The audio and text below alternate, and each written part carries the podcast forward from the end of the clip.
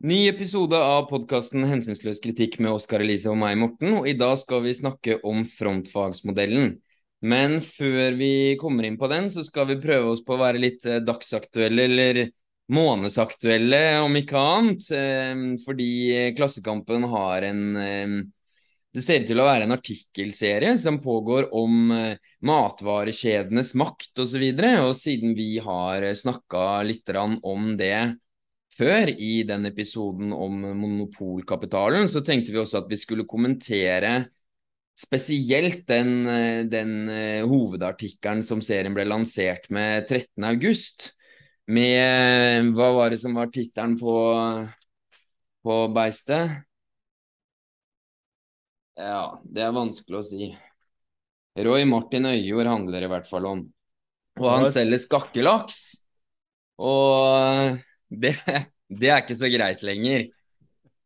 Ja, jeg vet ikke, Oskar. Kanskje du bare skal fyre løs, siden du har eh, gjort deg noen tanker om det her eh, allerede?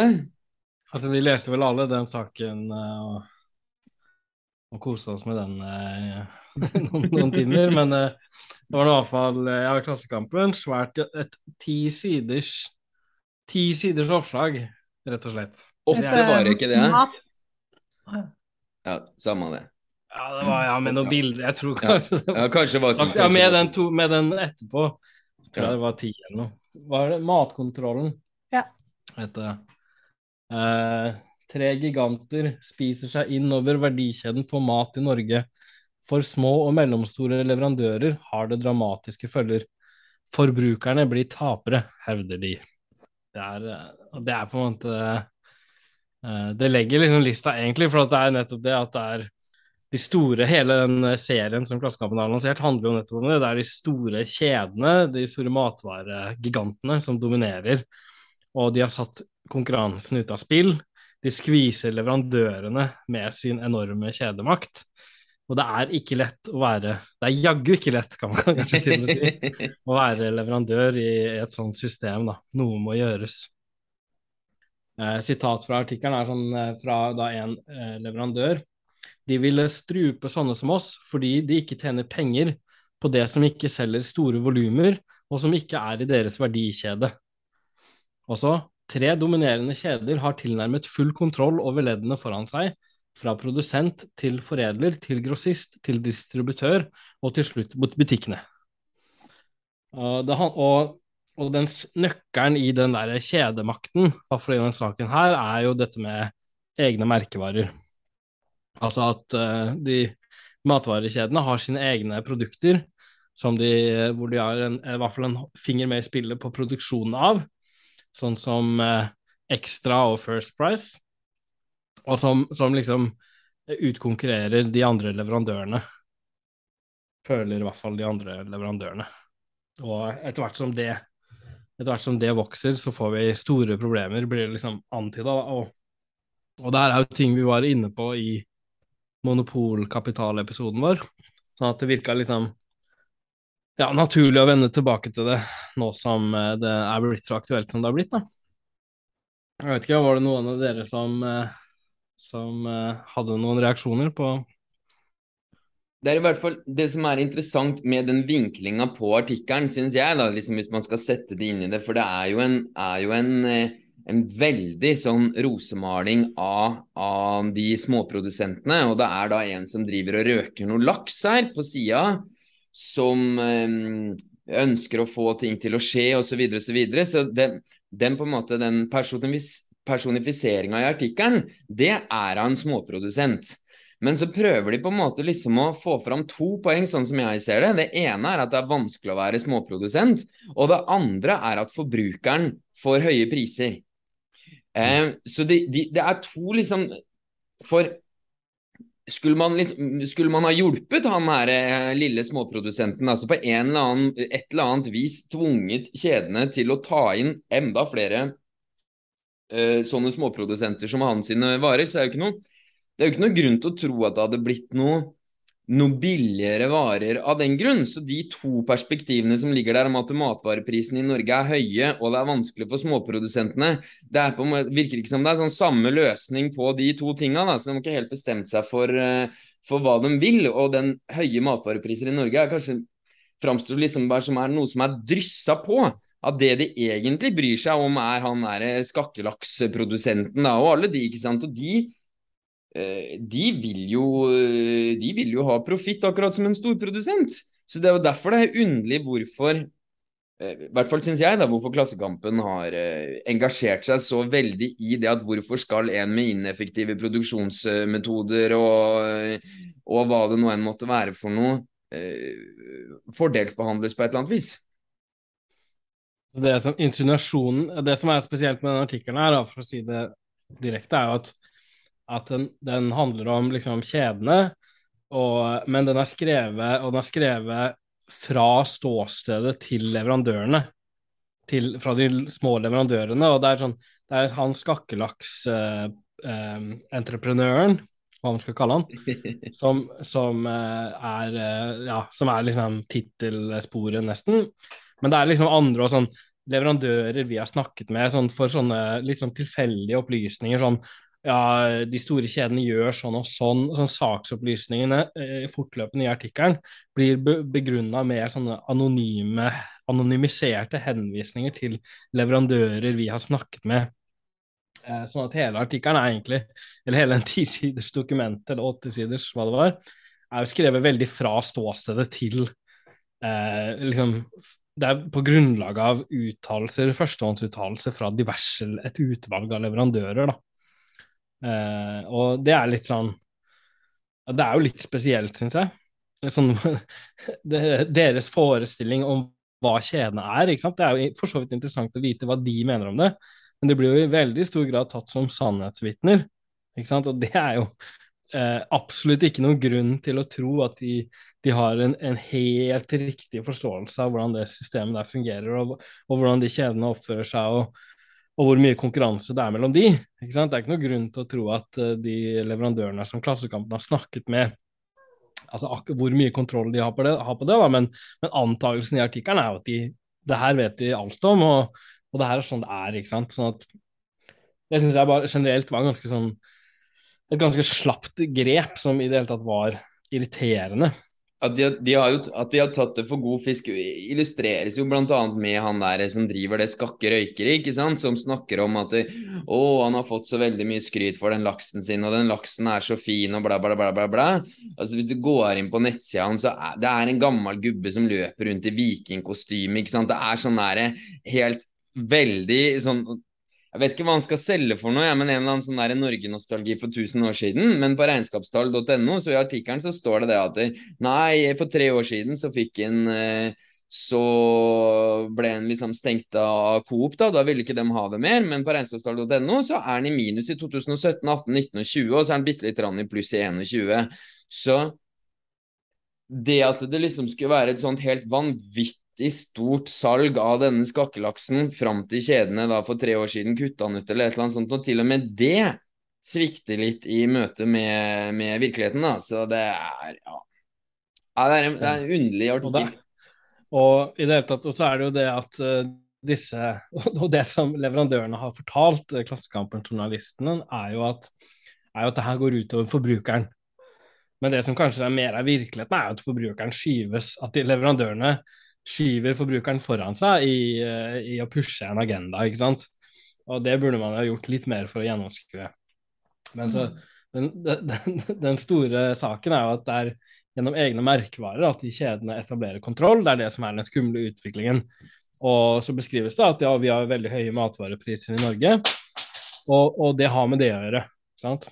Det at vi har, vi, vi har fått disse eh, kjedene som har så mye egne merkevarer, og dermed så får du så stor kontroll over hele kjeden. Det blir ikke konkurranse lenger. Og nå får vi så høye priser. Det er liksom narrativet. Uh, men, men, men uh, det, det, som slumrer litt, er jo sånn ok, ja, men hva er egentlig andelen av egne merkevarer i Norge sammenlignet med andre europeiske land? Med, med Sverige og, og, Danmark og Spania og Tyskland, liksom forskjellige land. Da er jo faktum at Norge har en lav andel av egne merkevarer. Og uh, altså enten en veldig lav andel, eller altså antageligvis en veldig lav andel. Um, for det er jo det, det Du har uh, den som, så vidt jeg skjønner, det er statistikkfirmaet som, regnskapsfirmaet som fører eh, regnskap over norsk dagligvarehandel, Nilsen IQ. Og, og eh, de oppgir jo andelen som 17,5% Og i en europeisk sammenheng så er det veldig lavt, da. Uh, det er mange land, altså Jeg mener Spania er sånn omtrent Det er i hvert fall dobbelt, og veldig mange land som, som er det sånn i hvert fall dobbelt, og kanskje mer, da. Sånn at hvis, hvis det er tilfellet, så gir jo den der egne merkevareforklaringen absolutt ikke noen mening i det hele tatt. Norge har minst andel egne merkevarer og høyest matvarepriser. Så den eh, årsaksmekanismen som de leverandørene snakker om, det uh, for hvorfor matvareprisene er som de er, henger ikke på greip i det hele tatt. Og det, på, og det som var litt med den artikkelen, den, den på en måte Så først så siterer han litt sånn tilfeldige tall. Ja, i kjøttdeig og noen sånne greier, eh, type matvarer, så er det veldig høy andel av egne merkevarer. Så den siterer alle de høye tallene, men den, den, danser litt rundt det faktum at det tallet som ligger til grunn der, er faktisk ganske lavt. Og så kommer det liksom på en måte for en dag, da, etter sånn ni sider med den eh, det, Etter ni, ni, sider. Og så blir det skrevet at, at uh, uh, Stortinget opererer med andre tall enn Nielsen IQ. Stortinget opererer med et langt høyere tall på liksom 33% blir det da påstått. Og det er jo og det er altså sånn jeg skal ikke si at, at de har fått det fra noen leverandører, men det er i hvert fall ikke rett i det hele tatt. Um, det, er, det, står, det blir hevda i et oppslag i matogmarked.no, så blir akkurat den samme påstanden, finner man liksom akkurat den samme påstanden, da, at uh, Stortinget hevder at det er 33% egne merkevarer. Men det er jo ikke riktig. Uh, for det, hvis man ser på henvisningen der, så er det jo det at det er et representantforslag fra tre venstrepolitikere som har en power, som henviser til en powerpoint. Altså, Hvilken som helst gnukk på, på, Stortinget kan sende inn et representantforslag. ikke sant? Så Hvis du da bare for å gjøre det skal bli tatt for å være 'dette mener Stortinget', nå har Stortinget utredet, utredet dette spørsmålet, og her er det de mener, liksom, med den tyngden der. Eh, det er helt tåpelig. Selvfølgelig mener de ikke det. ikke sant? Det her er noen venstre-representanter som har hatt en assistent som har googla seg fram til en powerpoint fra var University of Essex eller et eller annet sånt noe? Uh, jeg har det her et eller annet sted. Ja, et eller annet sånt uh, britisk universitet. Um, som, hvor det var en fyr som å, han oppgir liksom, OK, her er det norske tallet var sånn og sånn, da. Um, og det var jo ikke noe sånn um, mulig å finne ut av det tallgrunnlaget osv. Og, så og så har man jo tross alt et sånt regnskapsfirma som, som, som har det oppdraget i Norge, da. Som, som jo, det, det tallet virker ganske mye tyngre. sånn at i det hele tatt den framstillinga der var ganske sånn Reagerte på det. altså, det, det, var ganske sånn rotete, for å si det eh, pent. Um, men uansett, i, til og med i den oversikten så framgikk faktisk Norge altså Til og med der, når det ble sagt at Norge hadde en EMV-andel på 33% så var Norge liksom ganske lavt i bunnen av tabellene på uh, andel. Så selv der så forklarer du faktisk ikke de prisene. Sånn at uh, ja.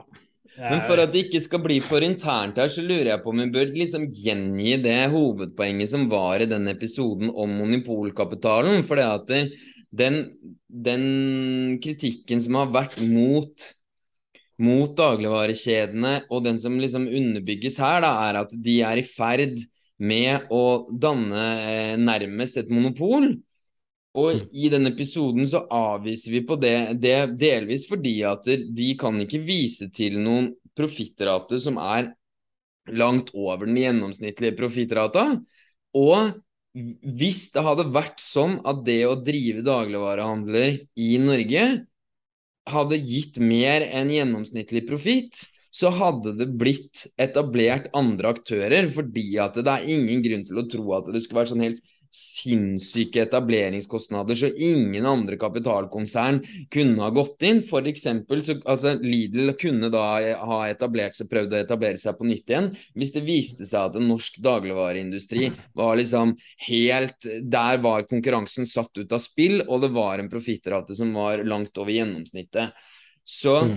Poenget da med på en måte å, å, ta opp det her igjen, er at når da, da Klassekampen da eh, ikke sant, kjører en sånn derre kjente, kjære merke, merkevarer. Vi må beskytte kjente, kjære merkevarer som om på en måte vanlige lønnsarbeidere skal drive og ta stilling for den ene grupperingen av kapitalister mot den andre grupperingen av kapitalister. Og den historien er da på en måte Og det er sånne snille skaperfolk som lagde Idun ketsjup eller skakkelaks eller faens oldemor, liksom.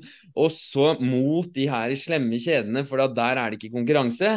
Det er på en måte eh, Da surrer de det til, da. Og jeg, Senest i dag så diskuterte jeg med en på Facebook som mente nettopp det, eller som gjenga en annen som mente at det, Nei, man kunne se det med eksempler på brød. At før så fikk man kjøpt brød under ti kroner, men det var borte nå. Og så etter litt fram og tilbake, så først så tenkte jeg ja vel, ja det kan hende det stemmer det. Og så sjekker jeg på Oda, og sa er det jo Du får jo kjøpt brød til 6,90 nå, fortsatt, liksom. Og som Elise sitt poeng i den forrige episoden var jo nettopp det at hvis de setter opp prisene på First Price, da går man jo bare i en annen butikk. Da går man ja. jo bare i en annen butikk, så det er Det er De har Ja. Det er den, og det er nettopp det at uh, altså kapitalismen er et uh, det, det, dreier seg jo rundt uh, for så vidt rundt monopoler, men, men også alltid også konkurranse.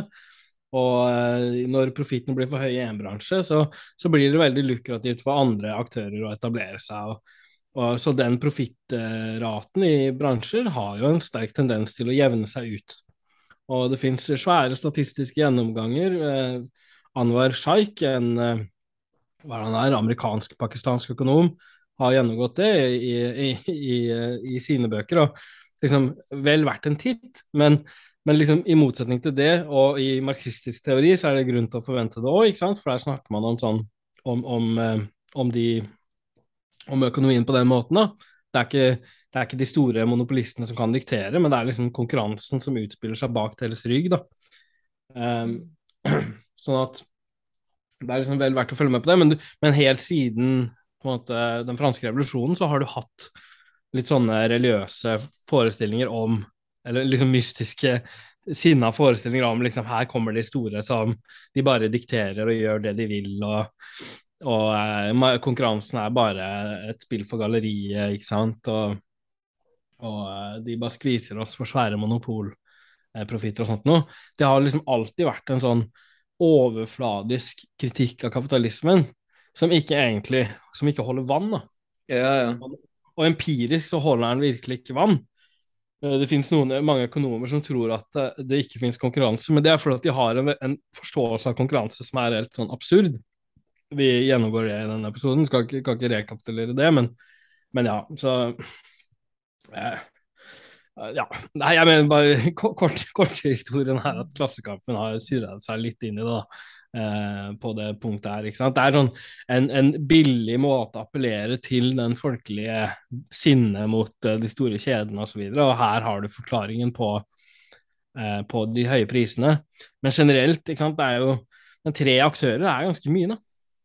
Så det er, det er helt klart dagligvarehandelen er, er, veldig monopolisert, men tre aktører. Så de fører priskamp eh, mot hverandre så det holder. Og eh, det blir jo sitert en økonom i denne artikkelen til Klassekampen òg, som påstår at fordi det ikke er så det, det, Eksempelet han trekker fram, er at hvis vi kjøper en kurv med varer i de tre dagligvarehandlerne, så vil prisen på de varene omtrent være identisk. Altså det er På VGs tester noen ganger så er det sånn fem øre som skiller, noen kroner som skiller. Eh, sum, da, en sånn kasse, en, en eh, vogn på 10 000 kroner eller 5000 kroner. Uh, og det er jo uh, Og en, uh, den økonomen som Klassekampen da siterer, påstår at det er et bevis for at det ikke er konkurranse. Mm. Det er jo helt sånn altså Snakk om å misforstå det fullstendig. ikke sant? Er det noe som nettopp man forventer ut av, den, ut av at det eksisterer konkurranse, er jo at prisene konvergerer. Prisene for like varer blir like. og ja. det er nettopp det. altså det er nettopp det konkurranse internt i en bransje fører til. Prisene blir like. Og det at prisene blir like, det at skakkelaks må selge sin laks for samme pris som de andre produsentene, som ikke har like tradisjonelle metoder, det gjør jo at eh, det blir veldig stor forskjell i profitten til de eh, bedriftene. Avhengig av hvor store de er, hvor billig de produserer. Og det er jo et helsike. Det er utrolig plagsomt for eh, sånne skakkelakstyper, da. Men det er jo liksom systemet. ikke sant? Så det er jo det som det det virkeligheten handler om, er jo det at, uh, at uh, i et, et kompetitivt system så, så, så, presses prisen sammen på like produkter, og det gjør at de store bedriftene som har avanserte metoder, de skviser de små. Men det det handler om da, er jo leverandørene som skviser andre, andre leverandører. ikke sant? Og på samme måte som gjelder i alle andre sektorer i den kapitalistiske økonomien, nemlig at man, du produserer i en større skala, du produserer billig, og dermed så utkonkurrerer du de andre, og så etablerer du, eh, så erobrer du denne bransjen. Fordi det, det billige, det er det som selger, liksom. Ja, sånn fungerer nå kapitalismen, og det har ingenting med kjedenes makt å gjøre, det har med vareproduksjonens helt ordinære lover å gjøre. Ja, og det er det som er det underlige med dem også, et sånn annet poeng du har gjort at vi, kan godt ha allierte fra borgerskapet hvis de tar arbeiderklassens standpunkt, men hvis de insisterer på å fortsatt kunne ha sin, sin eiendom i et uh, frigjort system, liksom, da kan vi ikke alliere oss med dem. For det, det, det fungerer ikke. Men det Klassekampen her jo i og for seg gjør, er jo å ta standpunktet til alle disse småborgerlige produsentene og liksom man trenger jo ikke Jeg kan jo ha sånn guilty pleasure med å snakke om hvor bra jeg syns Norgesgruppen er, men man trenger jo ikke ha noe som helst glede for, um, for de matvarekjedene. Man kan bare si nei, det her er det som skjer. Men det å skulle ta standpunktet til de andre og si det å bevare disse småprodusentene har en verdi i seg selv, og at de bør da på en måte unntas konkurransen eller et eller annet sånt, ja, det blir helt fjernt. Men de følger i hvert fall opp, da. De har flere artikler, og det er sikkert den samme nå For et par dager siden så var det om en småprodusent av grønnsaker i Nord-Norge. Så um, det er nok mer i samme stilen eh, framover. Jeg synes jo, jeg tenker sånn takk og lov at det finnes de egne merkevarene. Det er det som gjør at vi kan handle en tur på butikken uten å bli liksom fullstendig uh, skakkjørt. da. Altså at du får eh, en kilo ris til ti kroner First Price, liksom. Eller sånn. Jeg takk og lov, liksom. Økonomien hadde ikke gått rundt hvis ikke. Så jeg syns det er veldig merkelig hvordan de merkevarene, eller hvordan de eh, Hva heter det Altså First Price eh, Egne merkevarer. Ja, hvordan de egne merkevarene skulle være liksom en fiende for forbrukerne. Det skjønner jeg ikke helt. Vi mm. kjøper jo nesten bare de, og da får vi det til å gå rundt. Så takk. Så jeg, liksom, er takknemlig for det, på en måte. Jeg syns det er rart uh, hvordan man kan som forbruker ikke like de billige uh, varene, liksom. Vi har jo flytta til Nord-Norge siden eh, forrige podkast, kanskje. Og, og, det eneste problemet her vi bor, er vel at det er litt dårlig med egne verkevarer i butikken.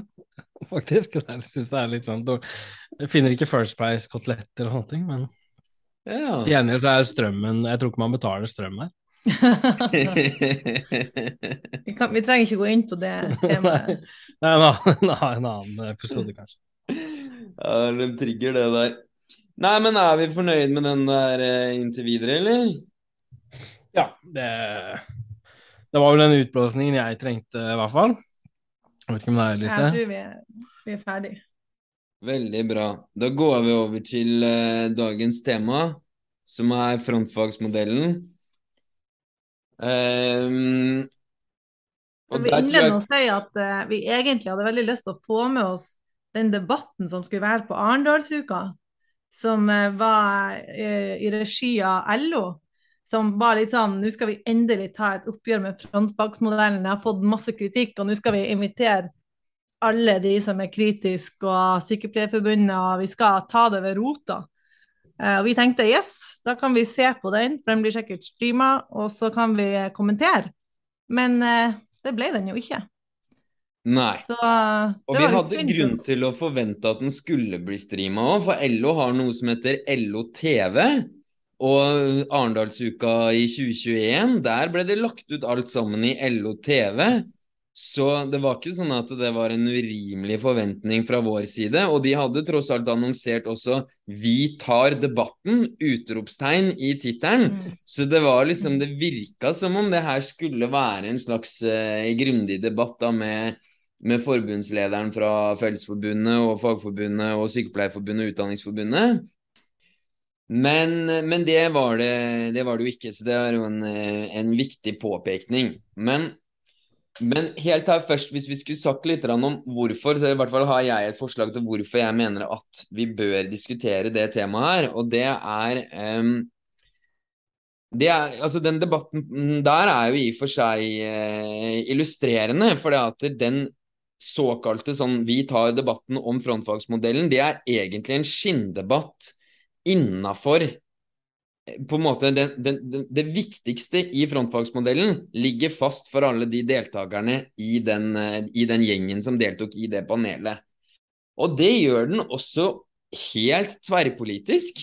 Det er nesten ingen noen sted som stiller spørsmålstegn ved om det er grunn at, eh, at eh, lønnsarbeidere, eller organiserte arbeidere, eller arbeiderbevegelsen skal beskytte konkurranseevnen til norsk industri, som er på en måte sånn hovedpremisset i frontfagsmodellen. Det er akseptert over hele spekteret. Så hver gang det er snakk om, om eh, en kritikk av frontfagsmodellen, så er det på en måte en flikking på Eh, ja, men burde vi kanskje ha et engangsløft for noen grupper i offentlig sektor, eller burde vi tweake litt her og tweake litt der? Vi skal sikkert komme mer inn på den kritikken etter hvert. Men på en måte grunnprinsippet i frontfagsmodellen om at man skal beskytte konkurranseevnen til norsk industri, det er absolutt alle enige om. Eh, kanskje bortsett fra oss, da. Eh, og et par hele noen, noen uh, grupper som må nevne Eller som skal ikke nødvendigvis nevne, men det fins i fagbevegelsen og, og uh, visse, visse, historikere osv. Ja, vi historikere finnes det, men i fagbevegelsen de er i hvert fall veldig stille om akkurat frontfagsmodellen. Da. Man leser ikke direkteangrep på det, selv om de kanskje i praksis uh, er utafor. Er heismontøren du tenker på nå?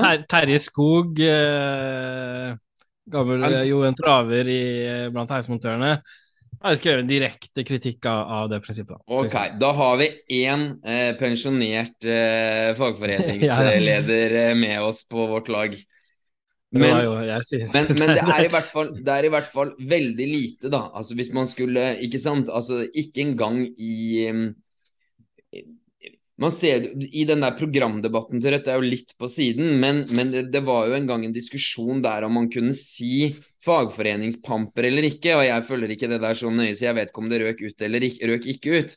Men det, når man skal gjøre seg så lekker for LO-ledelsen, som er jo definitivt på den linja her, at man ikke skal kunne si at de er pamper engang, så sier det på en måte noe om at da har du liksom et, i hvert fall påstått da, da radikalt venstresideparti, som heller ikke rokker noe med ved det her, ikke sant. Så det er um, Nei. Men det er det grunn til å pirke i. Eh, det er et, det er et stort dogme, økonomisk dogme i, i, Norge, på lik linje med handlingsregelen og, og oljefondet osv., som er helt uberørt. Så, så derfor så er det grunn til å snakke om det.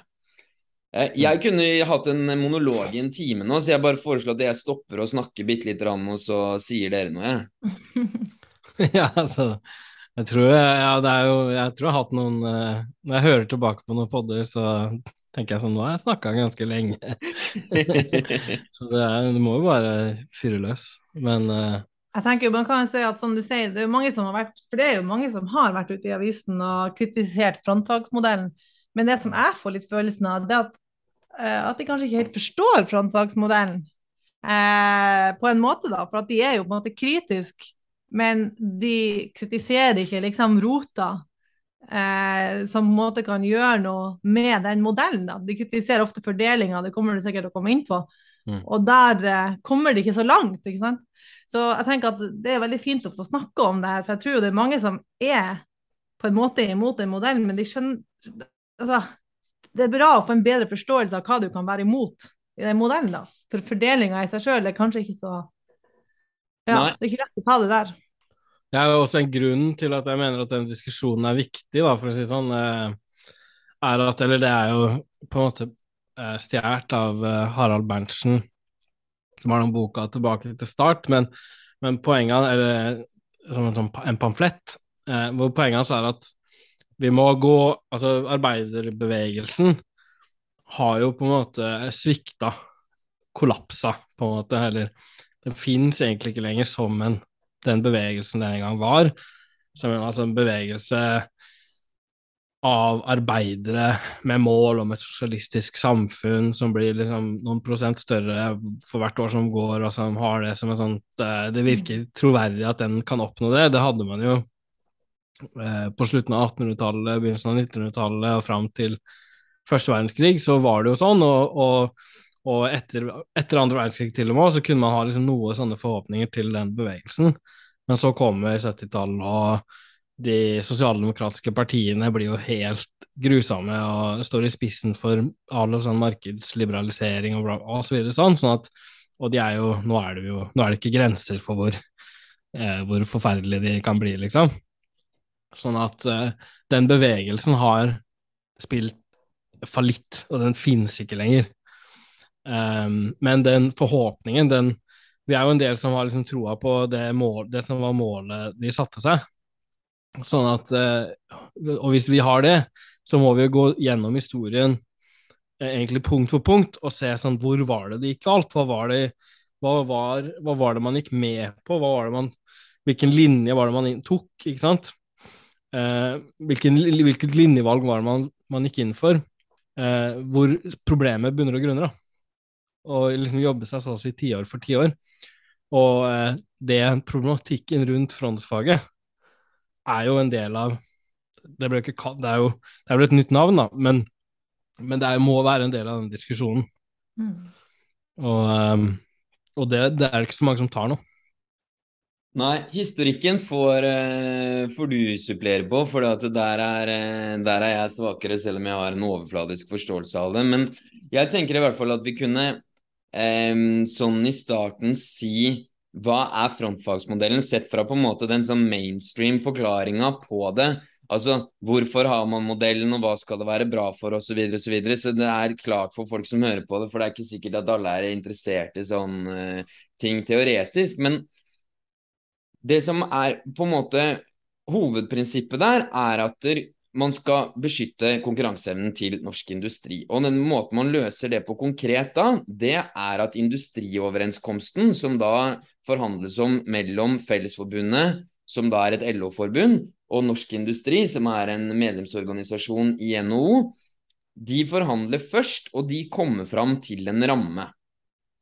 Og de, de, er da representative for, for, konkurranseutsatt eksportindustri. ikke sant? Altså det vil da si den industrien som, som, produserer for verdensmarkedet, og som er i konkurranser med andre bedrifter på verdensmarkedet som produserer de samme tinga.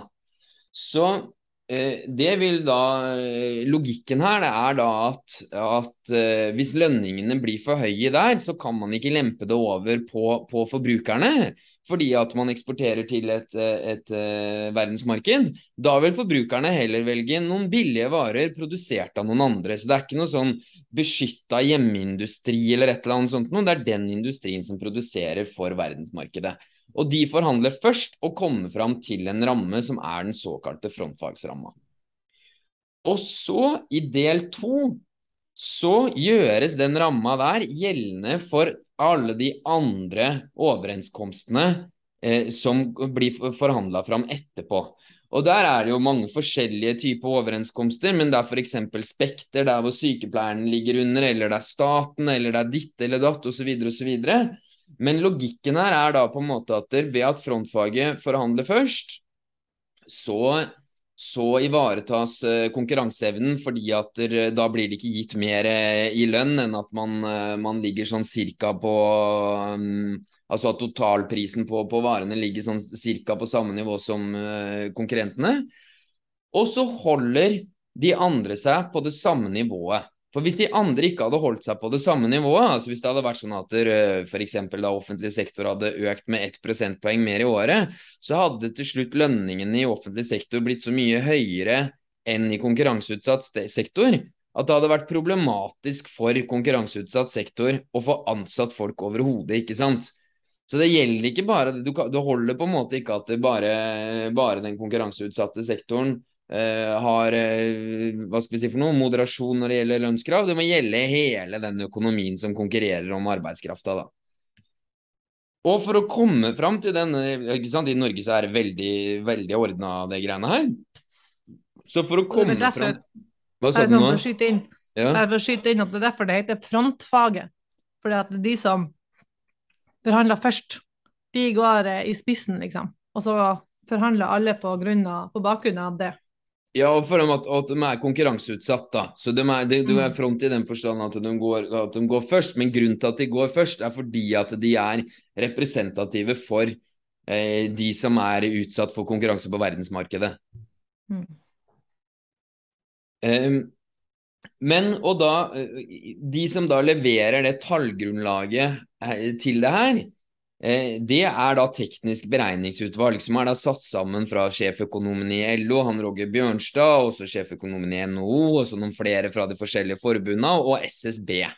Som da ikke sant, hvert eneste år i forkant av, av, av lønnsoppgjøret leverer en, en, en, rapport der hvor de da sier det at ja, sånn og sånn har konkurranseevnen utvikla seg i det siste. Eh, så høy er lønnskostnadsandelen, så høy er kapitalandelen. Eh, dette er eh, inflasjonsforventningene våre, dette er ditt og datt, og bla, bla, bla, bla, bla. bla. Eh, og det som er er eh, spesielt der, er jo det Det kommer vi tilbake til, da, men det er jo det at det Fellesforbundet har inkorporert det synet her om at konkurranseevnen til norsk industri er så viktig. At det, er på en måte ikke Det er ikke staten og arbeidsgiversida som tar seg av det. Fellesforbundet er like enig i det, så du kunne nesten outsourca hele greiene til SSB og bare la de komme fram med tallene sine, for det de reelt sett sitter og flikker om, er veldig, veldig små summer. Og så er det mange som tror at det her er et sånn helt særnorsk fenomen, men det eksisterer jo også sånn røftlig samme greiene i Sverige, Danmark, og man kunne kanskje argumentere for det i Tyskland. Nederland er jeg ikke sikker på, men det er ikke sånn, er ikke sånn at Norge har funnet opp helt ut av det blå å ta høyde for konkurransekraften til, til norsk industri. Men, er det, men det er veldig institusjonalisert her, da. Det, det kan man si. Men hvis du sier sånn når Så når, eh, når man fram, man si, man framfører litt sånn type kritikk av den tenkninga der, da, i Så OK, skal vi som sosialister, eller kanskje marxister, eh, prioritere konkurransekraften til norske kapitalister? Skal det være bærebjelka for vår faglige strategi? Eh, ikke sant? Det kan, da, det kan, dere på en måte ikke mene, ikke sant? Eh, til og med, ja, i forskjellige miljøer. Men veldig ofte så møter man jo da litt sånn eh, eh, stille blunking. Skjønner du jeg mener? At sånn, ja, men det er jo det er jo sånn det må være, ikke sant? Um, hva, hva, hva, skulle liksom være alternativet til det? Det er sånn Jeg føler at det veldig ofte er sånn Det er bare ikke Det, er, det virker ikke mulig å tenke seg et alternativ engang, for det er så åpenbart at, at, det er sånn det må, må, være, liksom. Ja, det er helt naturalisert.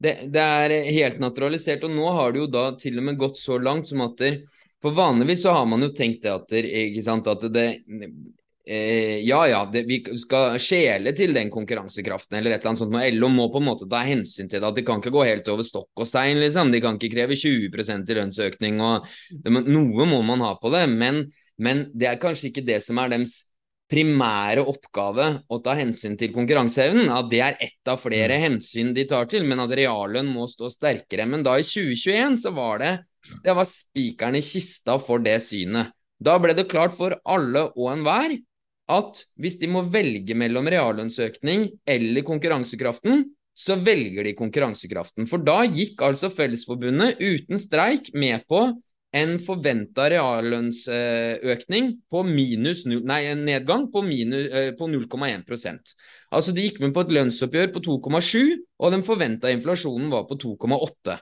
nå ble den virkelige inflasjonen den ble på 3,5. Og det her er sånn det er veldig, det, Av og til så skjer det at det er reallønnsnedgang i, i, i, Norge. Men det er da stort sett fordi at det teknisk beregningsutvalg beleilig har beregna inflasjonen feil, sånn som vi ser nå i år. Og da kan man tross alt skylde på statistikeren eller et eller annet sånt noe.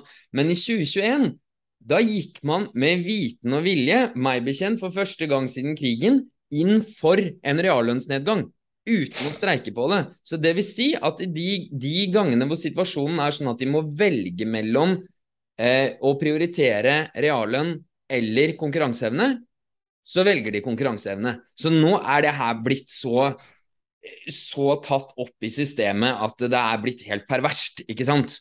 Eh, for det, det, er helt, det, er jo helt, spesielt. Da er det ikke ett av flere hensyn. Da, da sier LO-ledelsen at vår viktigste oppgave er å sørge for at lønningene er lave nok, så vi bevarer eh, profittratene og konkurransekraften til eh, norske kapitaleiere. Det er, det er, underlig. Det er veldig underlig. Egentlig så er det ikke så underlig, men, altså, men, men det er rart at det ikke får mer kritikk. Mm. Altså Hvis man hadde tenkt på det som en sånn Hvis du for 100 år siden hadde sagt eh, til arbeiderbevegelsen eh, Hei, eh, dere er med på en sånn ordning eh, sånn at dere får liksom reallønnsnedgang. Med på det, eller? Eh, liksom på bekostning av konkurransekrafta. Sånn, av hensyn til konkurransekrafta? Ja, hensyn til konkurransekrafta. Sånn, eh, nei, selvfølgelig ikke. Men nå er det blitt så internalisert at det er det ingen som stiller spørsmålstegn ved. Og tvert imot er det liksom en del av kroppen, nærmest. Det er liksom. Helt sånn det skal være, sånn det må være. Og hvis du stiller spørsmålstegn ved det, så er du på en måte en landssviker, nesten. Ja, fordi at vil du ikke Norge vel, liksom? Det, ja. Hvordan skal vi klare oss da, hvis ikke vi sikrer profitten til, eh, til de norske kapitaleierne? Oi, oi, oi, oi. oi.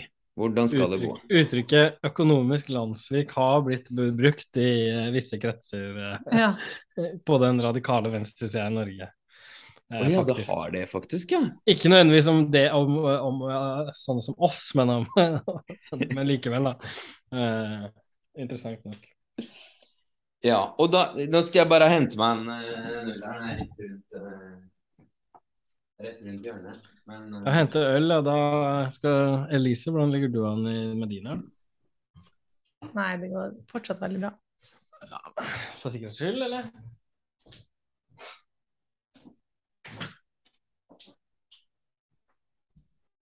Men um, en annen sånn ting som, Et annet begrep som også er nyttig å se på inn i, inn i det her, er det som heter den såkalte lønnskostnadsandelen som da er på en måte De har en sånn utregning av det, og det hadde sikkert vært mulig å oversette det til marxisme med, med og sett på på en måte hva som var merverdi og hva som var profittrate og, og, hvordan man skulle gjort om det. Det har ikke jeg gjort, men det er jeg bare forholdt meg til, til teknisk beregningsutvalg sin eh, definisjon av den lønnskostnadsandelen.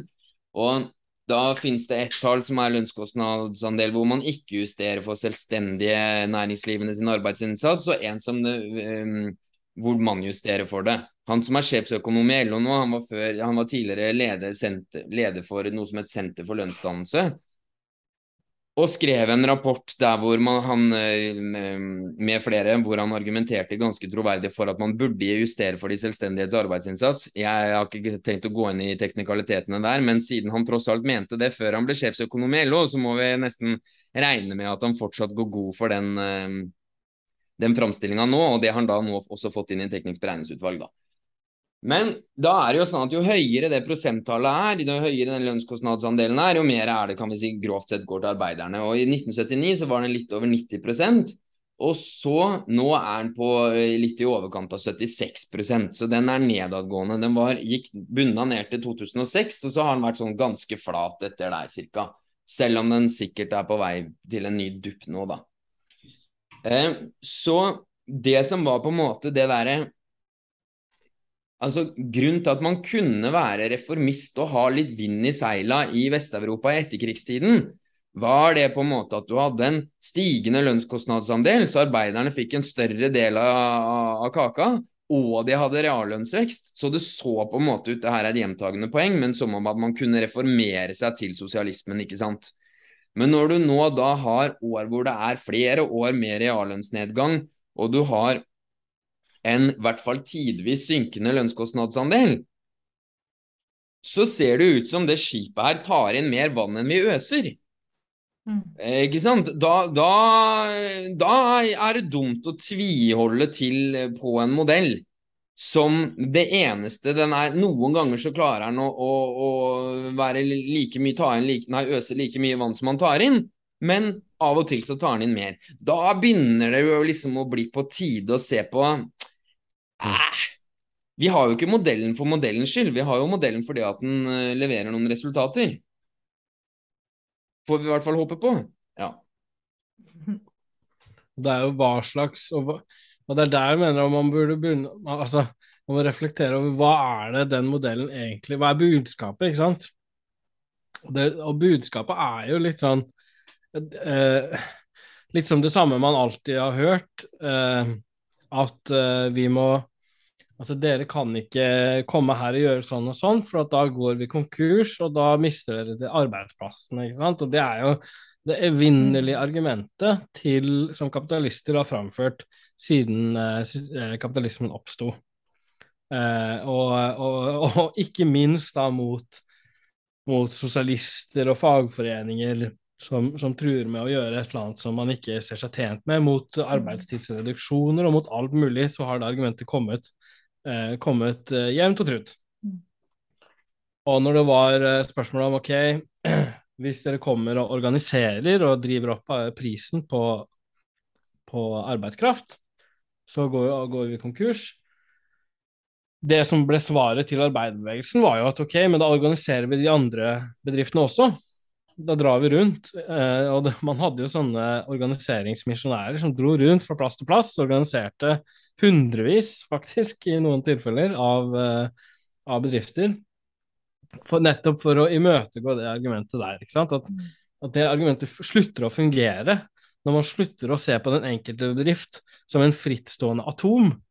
Mm. og se på det som, eh, som, noe som den kollektive arbeiderbevegelsen faktisk er mulig å gjøre noe med, kan gjøre noe med.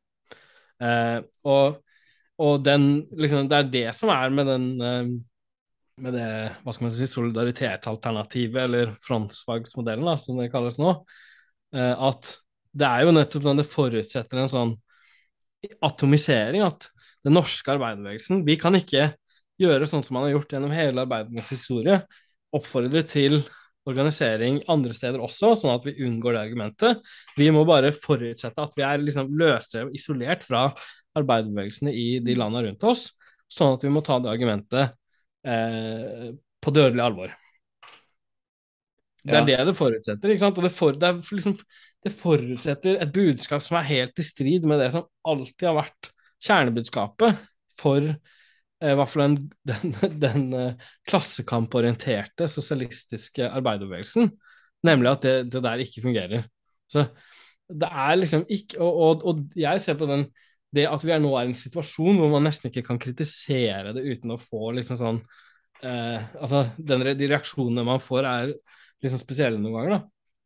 Det jeg syns det er litt sånn tankevekkende, da. Og det gjenspeiler seg jo litt i hvilke krav som stilles fra arbeiderbevegelsens side. Før i tida var det jo veldig sånn eh, Krav om sekstimersdag, f.eks., var jo veldig sånn høyt på agendaen. Nå har vi hatt eh, åtte timer i 100 år, nå skal vi gå videre, på en måte. Sånn. Men det har jo gått tvert imot. Det kravet er jo, tror jeg, til og med sagt av LO at nei, det er vi ferdig med. Eller sånn, du skal utrede det? Ikke, ja. ja, det, er, det, er det er parkert i et utredningsprosjekt. Ja, ja. Og det LO må utrede sekstimersdagen. altså, det er jo helt sykt. Og det er jo sånn, Hvis du skal se, hvis det samme argumentasjonen gjaldt i når du fikk åttetimersdagen, da. Det er jo klart at alle de samme argumentene var da. Da blir det konkurser, da blir det mista arbeidsplasser, ikke sant. Men da hadde du jo en organisering på tvers av landegrenser. Der en internasjonal arbeiderbevegelse sto i lag og var helt enig at nei, alle sammen etter åtte timer legger ned arbeidet, vi er ferdig. Pressa frem det kravet. Mm. Og det gikk kjempefint. Så det er jo helt sykt at det er helt umulig i dag. Når du på en måte er 100 år senere og masse mer teknologi og muligheter for å kommunisere på tvers av grenser som gjør at en sånn organisering selvfølgelig er mulig, hvis du har et større perspektiv enn det nasjonale. Og nasjonale konkurransekrafter, da. Og det henger jo da sånn sett sammen med altså en manglende evne til å kritisere frontfagsmodellen har jo da en sammenheng med liksom den fetisjeringa av nasjonalstaten som man også finner på norsk venstreside, ikke sant. Altså det er, det er, nasjonalstaten, det er der vi har demokratiet, og det er den som Og den må liksom legge til rette for vår felles industri, som vi alle lever av, og ditt og datt. Altså når man som en gang snakker om nasjonen, så er man liksom så harmonistisk som det går an å bli. Da er det arbeid og kapital hånd i hånd, ikke sant. Et, eh, et, eh, fint og fordragelig fellesskap. Sånn at mens liksom hele Ja, sånn som Elise med åttetimersdagen, det var jo det var jo, der, der, var det jo basert på det motsatte. At man, at man arbeiderne koordinerer over landegrensene og, og, blir enige om på en kongress i Paris 1890, var det vel, at ok, nå heretter så, så forplikter vi oss alle at vi, det er vårt hovedkrav helt til vi oppnår det. Åtte timers uh, arbeidsdag.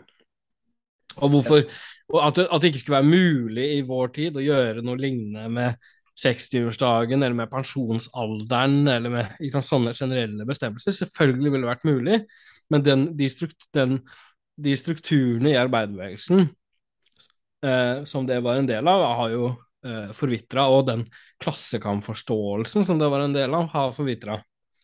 Sånn at liksom nå, nettopp fordi at man har glidd over til det der partnerskapstanken, at der de norske arbeiderne skal, skal, inngå et partnerskap med norske kapitalister, og så skal vi se hva vi får til, ja, da blir jo alle sånne planer umulige.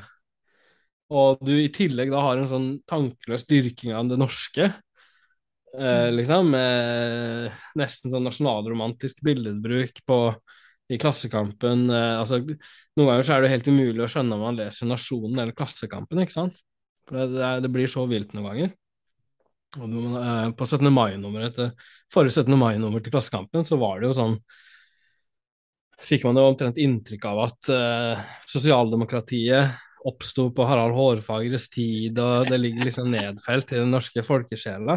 Sånn det er liksom Ja, den diskusjonen om nasjonalismen er en del av det, da, ikke sant? Mm. Men jeg mener bare den diskusjonen om nasjonalismen ikke på en sånn eh, vi skal bry oss om andre liksom sånn her, som på en sånn eh, Ja, på en sånn liberal måte, liksom. sånn, på en sånn klassekampmåte, da. Ja. ja.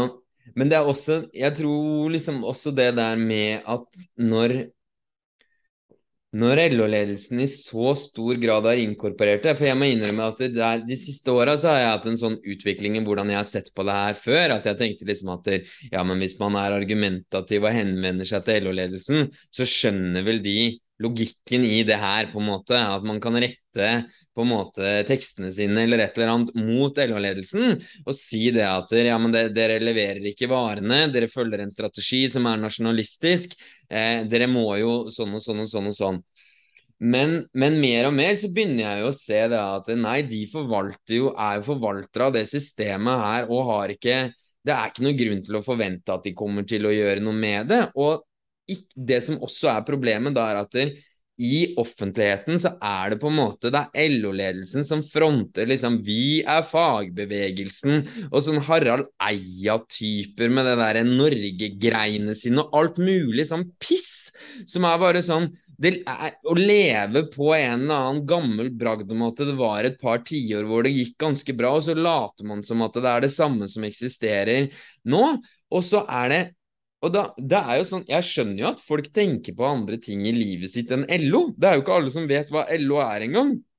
Og i hvert fall ikke de forskjellige forbundene og rollene der, og frontfagsmodellen. Og da skulle vite det at det egentlig er et stort skille mellom den der systembevarende, nasjonalistiske eh, delen av fagbevegelsen, som er den store, og at det finnes på en måte en progressiv tradisjon her i tillegg, det er, krever jo litt bare det, da, spesielt når, når, det på en måte har blitt så tatt opp i mainstream, sånn at Harald Eia står der med sånn her sippetryne og snakker om 'Å, så glad for fagbevegelsen og meld deg inn i LO', ikke sant? Altså, han, Thomas Seltzer og Harald Eia føler jeg er i begge to i den samme kategorien som at de Nei, ble vi 40 da, og så oppdaga vi at nei, det var så bra med dette norske Peggy Helsten Følsvik, eller hva heter for noe, ute på Blommenholm, vet du. Der har du en skikkelig Der har du en skikkelig arbeider som slåss på krava. Ja, hun altså, er kjempe Ja, ja.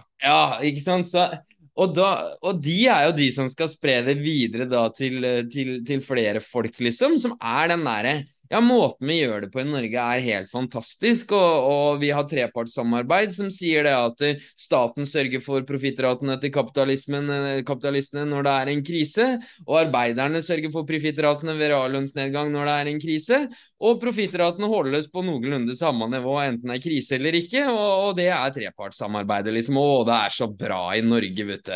Det er liksom Det er jo det han Asbjørn Wahl som jo er tidligere leder for, i, for velferdsstaten, og en sånn liksom traver i hva er han har vært med i, men mye sånn liksom internasjonale fagforeningsgreier. Uh, han liksom jobba mye der, og, og, og, og sier sånt Beskriver jo i den en, ene boka si at liksom, han er liksom pinlig berørt over norske fagforenings... sånn LO-folk som, som, reiser internasjonalt til forskjellige, forskjellige land og liksom alltid liksom ja, har dere tenkt på å få, få på et sånn trepartssamarbeid? Liksom? Funker utrolig bra her for oss. Uh, og han liksom gremmes og gjemmer ansiktet sitt. Det de ikke skjønner, ikke sant, er jo det at hvis alle hadde gjort det her, da Hvis alle hadde valgt den modellen her, at du hadde hatt et, et teknisk beregningsutvalg alle steder, og du hadde hatt et frontfag alle mulige andre steder, der hvor det primære oppgaven var konkurranse, konkurranseevnen til den hjemlige industrien. Hvis det var alt fagforeninger var rundt omkring hele verden, hadde jo bare fått masse, masse konkurranse mellom Altså, det eneste du hadde gått på da, var sånn Så fort et land gikk med på å senke real... Altså så fort et lands arbeidere gikk med på å senke reallønningene fordi de ville få lavere arbeidsløshet eller et eller annet sånt noe, så ble alle de andre landene tvunget til å følge etter. Ikke sant? Altså Den der logikken der med at det systemet der skal være så bra, og i Norge så har man da liksom Du har de kaller det jo for jerntriangelet, ikke sant, med at du har SSB og, og, og, Norges Bank og Finansdepartementet. Men du har da Finansdepartementet med handlingsregelen og oljefondet, som sørger for at alle de pengene man tjener på olja, det blir ikke tatt ut i lønnsvekst. Så da har du på en måte den ene delen. Så har du SSB, som leverer grunnlaget til, til lønnsoppgjøra, som i prinsippet kunne erstatta både NHO og LO, for at de sier så mye skal det bli. Der har du den andre mm. delen. Så er det den tredje delen, som er sentralbanken. Så nå har du hatt en svekka krone i jeg vet ikke hvor mange år, er det ti år eller et eller annet sånt noe? Som gjør det at konkurransekraften fortsatt holdes ved like fordi at krona, krona blir mindre og mindre verdt i forhold til, eh, til dollaren. Er, ja, er litt av en gjeng, ass. Det er hipp hipp hei sann hurra. Det er uh, litt av en gjeng. Men det er egentlig jeg har litt lyst for at Jeg har hørt deg før, Morten. Du kan jo veldig masse om frontfagsmodellen. Du skrev vel også en artikkel om det for ikke så veldig lenge siden på Fri fagbevegelse, som anbefaler å lese. Men eh, kan ikke du si noe igjen om det der med hvordan front, Du sa jo litt om det i stad, men liksom hvordan den beregninga, og hvordan den er todelt, eh, og hvordan av de delene som ofte blir klaga på, da? Ja, hvis vi tar litt om kritikken av modellen, ikke sant. For man har jo i det siste så har man jo hørt hørt mye om det. At det har vært sånn kritikk av modellen fra Sykepleierforbundet osv. osv.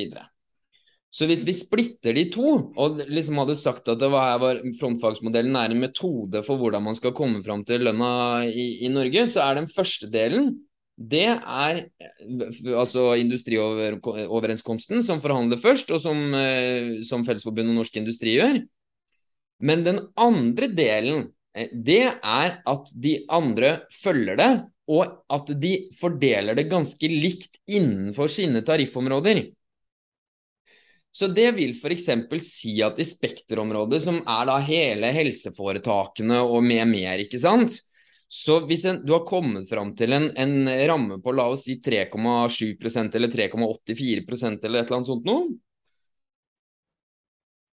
så det er, ikke, det er ikke direkte frontfagsmodellen, men det er liksom sånn en del av det likevel. Det er at den ramma på 3,84% skal fordeles sånn cirka likt mellom alle som er innenfor det tariffområdet. Så det vil si at når, Sykepleierforbundet har kritisert modellen, så har de ofte, i hvert fall, endt opp med å si det at de vil ha mer aspekter på Spekterpotten. Det vil si at de har akseptert at, det, at frontfaget har kommet fram til en, til en ramme. Og de har på en måte også akseptert at Spekterpotten er på 3,84% men de vil ha en større del av den potten fordi at de har tre års høyskoleutdanning eller ditt eller datt eller bla, bla, bla, bla, bla sånn, ikke sant. Og da, sånn som vi så veldig i år, da, så var det jo da at Først så har Fellesforbundet fra LO ansvaret for å komme fram til en lav nok ramme, som nå kommer til å gi oss den største reallønnsnedgangen siden krigen i år, mest sannsynlig. Vi har inflasjon siste tolv måneder på 6,8, og det ble en ramme på 3,7 eller 3,84 i offentlig sektor, men altså fortsatt mer enn 3% eh, reallønnsnedgang ligger an til. Um, så Fellesforbundet har ansvaret for å gi oss en relativt lav ramme, og så har Fagforbundet en oppgave med at den, når vi kommer til offentlig sektor, at alle de gruppene i offentlig sektor skal få omtrent det samme. Og det er der, i hvert fall sånn som jeg har lest det, som Sykepleierforbund, øh, Sykepleierforbundet sin kritikk er mest. At de sier da at vi vil ha mer, og så sier Fagforbundet ja vel, ja, hvem skal du ta fra da? Er det bussjåfører du skal ta fra? Er det helsefagarbeidere du skal ta fra? Hvilke yrkesgrupper er det du skal ta fra da? For vi er vel enige om at det skal være den ramma. Så det er nesten mer sympatisk med lærerne som streiker nå, for da er tross alt resten av ramma fordelt. Så de sier ikke at de skal ha noe mer for andre arbeidsdager, de bare slåss for et lønnskrav. Det er, det er uh, mer kurant enn uh, en, sånn som Sykepleierforbundet har uttrykt i kritikken. Ja. Men var det noe mer du tenkte på, eller, eller var det ikke Nei, jeg tenkte på akkurat det, ja. Mm. Og at, at Sykepleierforbundet og alle andre som kritiserer frontfagsmodellen, i stedet for å liksom, kritisere fordelinga, som er ofte det de kritiserer, heller burde sett på beregninga og forutsetninger for det som eh, de skal fordele til slutt. da. At de på en måte skal godta at eh, norsk konkurransekraft skal være sånn og sånn. Og ja. at eh, liksom, kritikken ikke blir dyp nok. Den blir liksom overfladisk. Men, men det har vel kanskje òg med at måten, front, altså, måten alt blir bestemt på, ikke er like ikke åpent, da, men eh, ikke like masse diskutert, og kanskje ikke like kjent. Eh, og når du fortalte oss om eh, ja, ikke sant, nettopp hvordan eh, de kommer frem til, altså det tekniske beregningsutvalget, hvordan de kommer frem til den ramma, at det er jo heller der vi burde ta og rette kritikken. Ja, for de se, kommer jo, ja. De kommer, til, de kom, jo ikke fram til en ramme, da, det skal sies, men de kommer fram til hvordan har norsk konkurransekraft utvikla seg i det siste. Eh, ikke sant? Og, og, hvordan har lønnskostnadsandelen eh, utvikla seg i det siste. Så det som er deres oppgave i teknisk beregningsutvalg, det er å eh, skaffe et tallgrunnlag som begge partene er enige om. Så det ikke er noe snakk om det. ikke sant? Så det er sånn überkorporatistisk system, der hvor du har et sånt partssammensatt utvalg med representanter fra departementene, SSB og arbeidsgivere og arbeidstakere. Og så skal de sammen signere og si at dette er tallene vi tror på. I år så må man jo nesten lure på om de var liksom seriøse.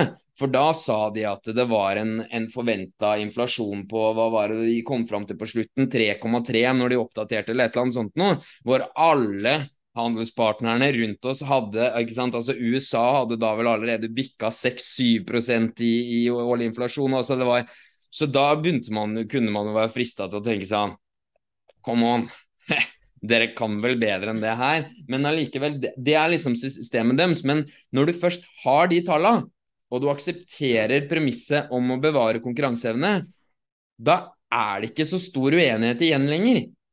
Det er det som, eh, som, liksom er grunnen, da. Og da sånn som f.eks. Sykepleierforbundet, ikke sant. Altså hun um, Sverresdatter som var ny, hun har jo nå leda eh, tre lønnsoppgjør i, i, i eh, vel i da 2021 og 2022, ja. Og hun har jo vært mye i mediene og vært sånn derre eh, Mye gass i henne, liksom. Trøkk i henne.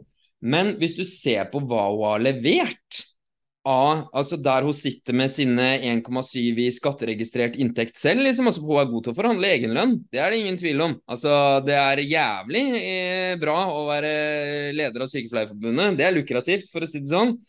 Eh, Men, eh, men, eh, det er jo tre stykk elendige oppgjør, og bare det at de godtok å utsette lønnsoppgjøret i 2020 Fordi at det var så mye usikkerhet. Og hvem, hvem var det usikkerhet for?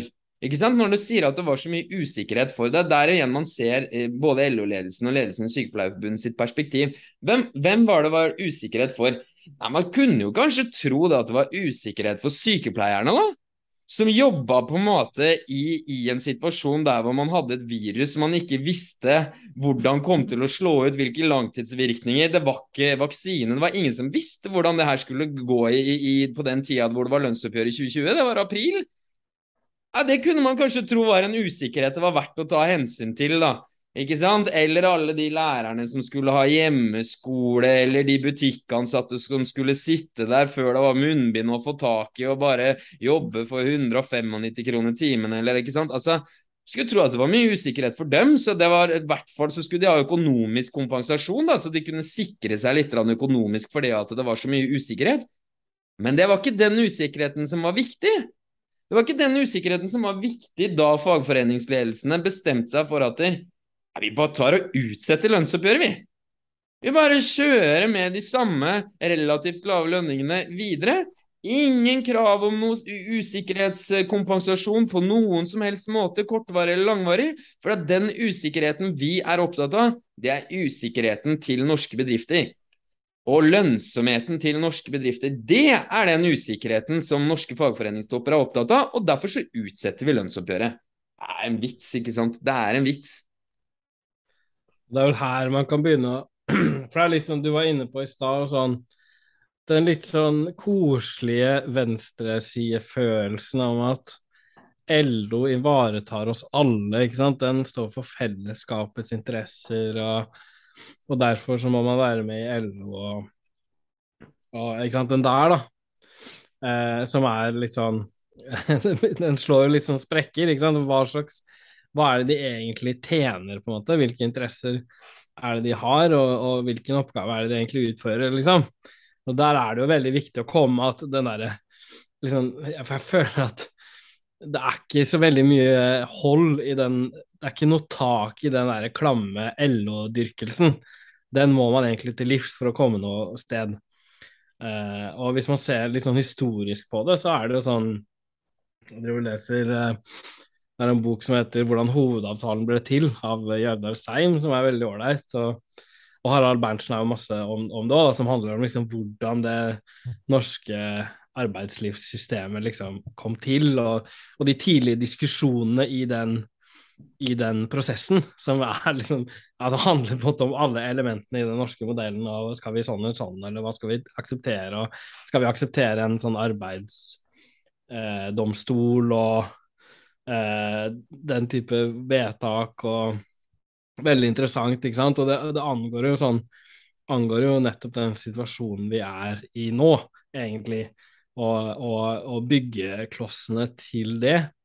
Og også hvordan men særlig også, også interessant å se hvordan i Arbeiderpartiet og arbeiderbevegelsen generelt, hva slags reaksjoner som kommer, og hvordan diskusjonene ble tatt. Veldig mange for veldig mange spørsmål var jo ekstremt kontroversielle. Det å akseptere sånn eh, et prinsipp om eh, om, eh, om eh, ja, skal si, en sånn frontfagsramme, det var jo ikke noe gjort i en plett, eh, på en måte. da, altså det, det, Man måtte jobbe litt for det her. og, og sånn som han Seim er inne på, så er det sånn eh, Du har liksom fløyer i det norske liksom overklasse- eller politikermiljøet, da og hvor du har liksom mer sånn Høyre og, og Senterpartiet som egentlig ikke anerkjenner fagforeningene, og aller helst skulle sett Altså vil ha sånn sterke lover om arbeidets frihet-type, da, sånn det å hindre folk som er arbeidsvillige fra å gå inn på en arbeidsplass, det er uakseptabel krenking av friheten. Mens i virkeligheten så er det selvfølgelig forutsetningen for at det skal kunne eksistere fagforeninger i det hele tatt, er at den friheten blir krenka. Sånn at liksom eh, Sånn at der har du den sånn deres eh, på en måte ønske om å mer eller mindre knuse fagbevegelsen som sådan. Og så har du Venstre som har en mer sånn mer sånn de, Ok, arbeidsfreden er et problem for, for den norske staten, ikke sant. Det, blir kasta bort jævlig mye årsverk i streik osv. Og, så og, og, og det er viktig å ha liksom, arbeidsfred. Men løsninga på det er ikke det derre å, å, gå til frontalangrep mot arbeiderbevegelsen. Det vil være et helvete. Men det er en organisasjonsmessig løsning. Det er nettopp gjennom LO, nettopp gjennom eh, de eh, Gjennom den parten at vi kan finne en vi, vi kan finne en ordning. Og så får man sånn? Det der med fredsplikten mellom avtaleperioder har, og, og forsøk på å få en sånn voldgifts... uh, at staten kan sette til side streiker på en eller annen måte. og Man må finne en eller annen måte å vurdere hvilke streiker som er gyldige og ikke. Og du må få disse bedriftene til å, disse fagforeningene til å jobbe, forplikte seg til å jobbe for bedriften sin, ikke sant? til å gjøre den bedre og mer profitabel. Veldig mange sånne ordninger. Men, og et sentralt element av det var at du, å sentralisere LO. Harald Berntsen er veldig opptatt av det, og det er veldig verdt å lese. For at det er eh, fra et sånn sosialistisk eller kommunistisk til og med perspektiv, så er det det som er relevant, da. Egentlig. Eh, så derfor han tar det. Og, men det er veldig bra at, at liksom, du, du, får det, det, det systemet kommer, og, man liksom, liksom forsonlig innstilling overfor LO på den ene sida, men man krever alltid motytelser. Og, og, og, og desentraliseringen av LO og beslutningsmekanismen i LO osv. Så sånn, at, sånn at liksom eh, Sånn som Altså det, det, i stor grad er opp til Det er ledelsen i organisasjonene i arbeidslivet som forhandler med hverandre, ikke sant. Det var jo en visjon for en sånn organisasjonsmessig løsning på arbeidsfreden. For at man skjønner jo at altså, de gutta på toppen, de i LO osv., det er jo folk man kan prate med. Mens eh, jo nærmere de står bunnplanet, eh, guttene på gulvet, jo verre kan det være, da. Og, og, og, og, da er man jo inne på liksom på de byråkratiske strukturene som da etter hvert oppstår, og som på en måte bevisst blir skapt i arbeiderbevegelsen for å gjøre det vanskelig å få store ville streiker mot lønnsoppgjør for å liksom forsterke det imperativet om at man må ivareta profitabiliteten osv. Så, videre, sånn. så det her er jo ting som er blitt mer eller mindre bevisst altså forhandla fram og skapt, da, men, men man ser liksom veldig tydelig hva som er motivet når man ser historia. Og, og du ser jo også da at sånn hva som er liksom hva som er da LO sin plass i alt det her sånn. Litt mer komplekst enn det sånn, den Harald Eia-vrien på det, i hvert fall. da.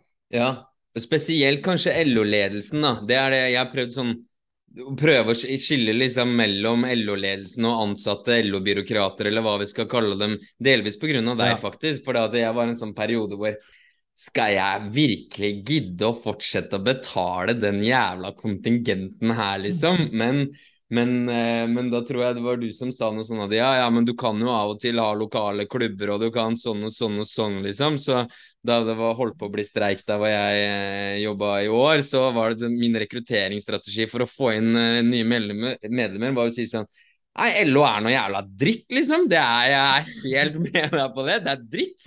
Men det er dessverre per nå det beste av alternativene. Det er innafor den strukturen der vi må forholde oss fortsatt. Men jeg er mm. helt med på det. Det er veldig, veldig, veldig mye dritt her. Så, men fortsatt, skal du bli medlem, så ja. Og det er jo, men det er jo nettopp det sånn Så hva blir da løsningen, ikke sant? Hvis det, er, hvis du har med hvordan LO er strukturert å gjøre, hvis det er et problem, så må jo på en måte løsningen være komme fra grunnplanet, et grunnplan som utveksler erfaring med hverandre, og, og som er, blir mer villig til å agere på tvers av ledelsen i eget forbund osv. For så vidt en annen diskusjon, men, men, det henger jo sammen, da. Ja, men vi bør vel kanskje gå over til eh, hva som er alternativet, i hvert fall liksom, i perspektivet på på frontfagsmodellen. For det at jeg ser nå når ikke sant, altså En liten sånn forklaring hvorfor vi må inn på det, er at det som skjer hver gang det er et oppgjør med, som ender i reallønnsnedgang, altså ikke bare sånn som det var i 2021, der hvor Fellesforbundet forhandla seg fram til det, men også der hvor det skjer fordi at Teknisk beregningsutvalg har eh, antatt at inflasjonen blir lavere enn det den faktisk blir. Og det er jo viktig da å huske på at de, alltid de, de, tar alltid feil på motsatt side. Altså Det er aldri sånn at de beregner at inflasjonen kommer til å bli 4% og så blir den 2 og så får vi plutselig 2 prosentpoeng ekstra med reallønnsoppgang. Det er aldri sånn. De beregner alltid at den blir for lav, så oi, og da ble det visst reallønnsnedgang allikevel. Og det skjer titt og ofte. og Jeg husker ikke om det var 2015 eller 2016 eller et eller annet sånt noe. Men da var det, da det var den der oljesmellen, eller hva det ble kalt for noe. Og det første som skjer etter et sånt oppgjør, det er at LO-lederen går ut og sier at det, vi skal ikke ta igjen dette neste år. Spist er, gjort er gjort, og spist er spist. Ikke sant? Så det, vi kommer ikke til å trekke med oss det her inn i neste års oppgjør vi, LO vil ikke ha noe krav på seg nå om at vi skal hente inn en reallønnsnedgang på 1,1% og så i tillegg ha en oppgang på det etter det. Nei, nei, nei. nei, nei. Der tok vi feil i, i fjor. Beklager det. I år er det blanke ark, ikke sant. Ja. Og nå har det jo begynt å bli en del dårlige oppgjør i det siste, da, og det ser ikke ut til å bli særlig, særlig lyst framover heller. Jeg så en sånn der eh, oversikt over reallønnsnedgang i, i eurosonen eh, med sånn statistikk på det, og pila stuper ned, ikke sant, mellom 5 og 9% nedgang i en hel haug med europeiske land. Altså det er helt vanvittig hvilken periode vi faktisk lever i nå. Vi må tilbake til mellomkrigstida, i hvert fall for å finne en lignende situasjon. Og det er heller ikke sånn at du ser sånn derre Jo, ja, men bare vi suck it up nå i seks måneder, og så er det masse stjerner på horisonten, liksom. Det er ikke det heller. Det, vi, vi, er i en helt ny tid. Og det som Jørn Eggum har begynt å si nå innimellom, er at han sier det at det, altså lederen for Fellesforbundet, som er et LO-forbund, han sier ja, men det er det beste alternativene. Det er på en måte, og det er, en, det er jo den standarden som også veldig mange som Norge-forsvarere har hatt. At ja, ja, riktignok blir det kanskje verre i Norge, men se hvor mye verre det er andre steder. Så hva er alternativet deres? Og det er jo et betimelig spørsmål. Altså, Hvordan er det progressive arbeidere skal forholde seg til det her? Og det er jo verdt å si, si litt om, da. Mm. Jeg har noen notater selv, men må gjerne ja. ja. altså det jeg vil si, det er liksom tusenkronersspørsmålet, eh, selvfølgelig, da. Altså, jeg vil si sånn, det å i det hele tatt eh, Utgangspunktet må være For én ting er eh, altså om vi tar et oppgjør med frontfaget, solidaritetsalternativ, som en måte å tenke på, som en måte å og, og som en, som en liksom jernbur for fagforeningsvirksomhet i Norge, så betyr jo ikke det at, det vi, at vi er liksom At da skal man eh, streike i hjel den norske økonomien, liksom, drive arbeiderkamp helt uten, uten en tanke på hva som er de økonomiske realitetene, og hva som vil være virkningene osv. Det ville jo, vil jo, bare være tåpelig. Det er jo ikke det som er poenget. Man, man, som, som, arbeider i Norge så må vi gjøre en, en, en liksom strategisk, taktisk avveining av hva som er fornuftig å gjøre. Men, men, men den forhåndsforpliktelsen til norsk konkurransekraft kraft gjør at det er visse ting som man ikke gjør eh, som en følge av det. Så, så, det er liksom Det, er, det er, føler jeg, det viktige. Sånn, hvis alternativet til den derre det er litt sånn som når, når, når, nei, når bedriftseieren sier ja, hvis dere organiserer dere, så går vi konk. Og da, så det man da svarer med, er å organisere alle bedriftene i landet. ikke sant? Og, og det er jo akkurat det samme med, med, med lønnsoppgjøret. Hvis man sier sånn ok, hvis dere fremmer det kravet, så går vi konk. Så er alternativet at man, man, man, man eh, promoterer det kravet og, og, prøver å få fram det kravet som et, et felles europeisk krav, da, for eksempel, blant alle de europeiske arbeiderbevegelsene. Sånn at man trumfer hele det argumentet. Og da blir det, når man har den derre eh, solidaritetsalternative måten å tenke på, ute av verden, og ikke det er liksom at ramma for vår virksomhet er hva kapitalistene tåler. Eh, men vi tenker, tenker, heller på oss selv som arbeidere. Ikke? Og, og vår oppgave som fagbevegelse er å, er, å, er å, forbedre vår stilling som arbeidere, og ikke å forskuttere hva faen de kapitalistene trenger, for det må de ta, uh, håndtere sjøl. Så Eh, så, så, det liksom, så, så drives vi i, i, til den type ja, sånn felleseuropeisk aksjon for 62 eh, år i pensjonsalder, eller 60 års pensjonsalder, eller den type ting. da. Sånn, finne sånne, sånne gode eh, mobiliserende tiltak som gjør at man får man styrker eh, kampen for kortsiktige For brød. For, for, hva skal man si? Brød- og øl-type krav. Men også så får du en dynamikk i arbeiderbevegelsen som bygger makt, og som gjør det mulig å vinne fram med mer ambisiøse eh, prosjekter, da. Ikke minst liksom selve, eh, selve prosjektet om å styrte kapitalmakten som sådan.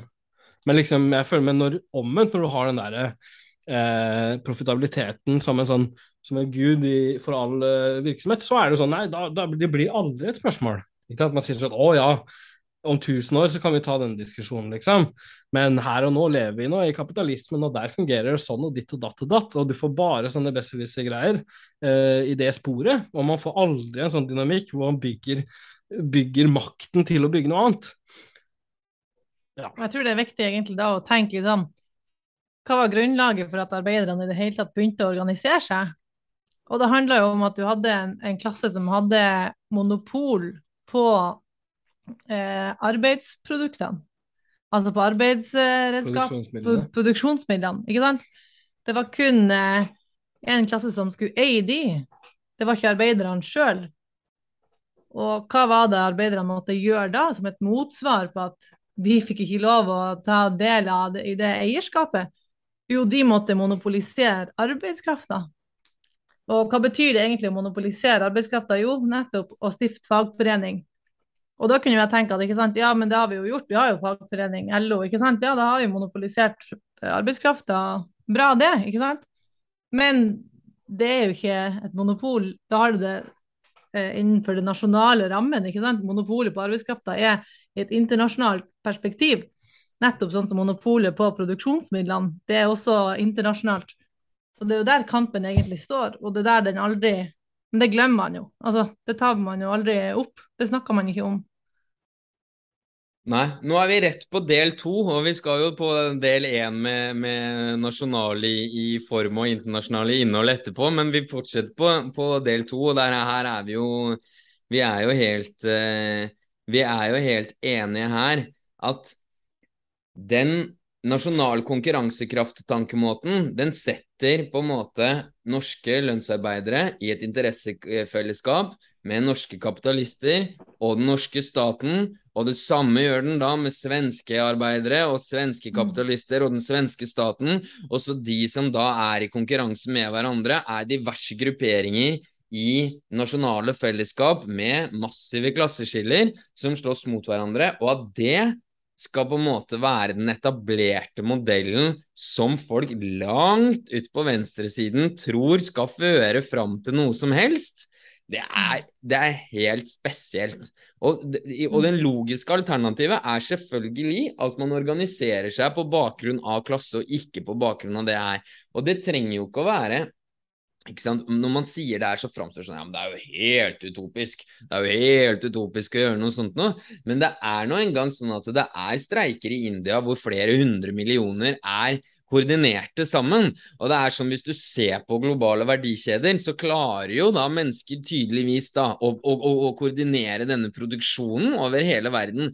Hvorfor i all verden skulle det være mulig av og til å se for seg at du kan koordinere aksjoner? Så på, som langsiktig mål. Det burde være helt åpenbart. Jeg, jeg har sett på ikke sant, Når de Amazon-folka nå i, i, i, Storbritannia har begynt å gjøre noe greier, det sprer seg så fort. Så veit amerikanske Amazon-arbeidere om det. Mm. Det, det, er, det er Selvfølgelig er det mulig å se for seg at arbeidere i Amazon i forskjellige land, men med like mm. stillinger, og de blir utbytta på samme måte, og de, ledelsen bruker de samme strategiene osv., osv. Selvfølgelig er det mulig å se for seg at de aksjonerer på likt. For, mm. for, for felleskrav, det er jo, det er jo helt, helt da må man ha så utrolig dårlig fantasi for å ikke klare det. Altså, for de som ja. hører på det her og ikke liksom kjenner til tidligere debatter, så med Brånen osv., så, og så, videre, så er det sånn at det kanskje framstår som litt innforstått, det her. Men, men, det er utrolig mange som forvalter et, et, tankesett som sier at det er helt umulig å tenke seg. Ja, mm. ja. ja. Uh, det, er, det, er, vel liksom Det her er sånn ting gjøres, og det, er, det er bare barnslige fantasier det dere holder på med, på en måte. Mm.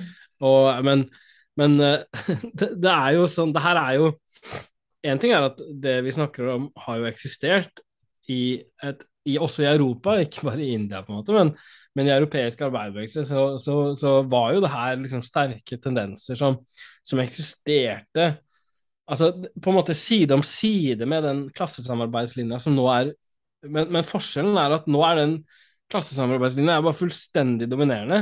Mm. Og det er ikke plass for motforestillinger i den, ikke sant? men i Arbeiderpartiets historie for eksempel, så har den liksom eksistert den alltid side om side med en mer sånn klassekamplinje. Og, og de liksom Den ene kunne vinne et prinsipprogram det ene året og det andre osv., men, men det var liksom alltid der, og man måtte ta hensyn til den eller de hva skal man si, Gerhardsen og Cook måtte ta hensyn til oss, altså, ikke sant? For hvis ikke så fikk man for mye pepper. I hvert fall i perioder, og i hvert fall før andre verdenskrig. Sånn at liksom men, men, så man Så går det jo noen tiår, og så er det bare helt umulig å tenke seg, ikke sant? Eh, det er litt sånn Ja. Eh, altså, så, når, når, du er Det er den derre atomiseringsfølelsen, at man blir nett, nettopp frontfag, den måten å tenke på, gjør det jo også umulig å tenke seg alternativer.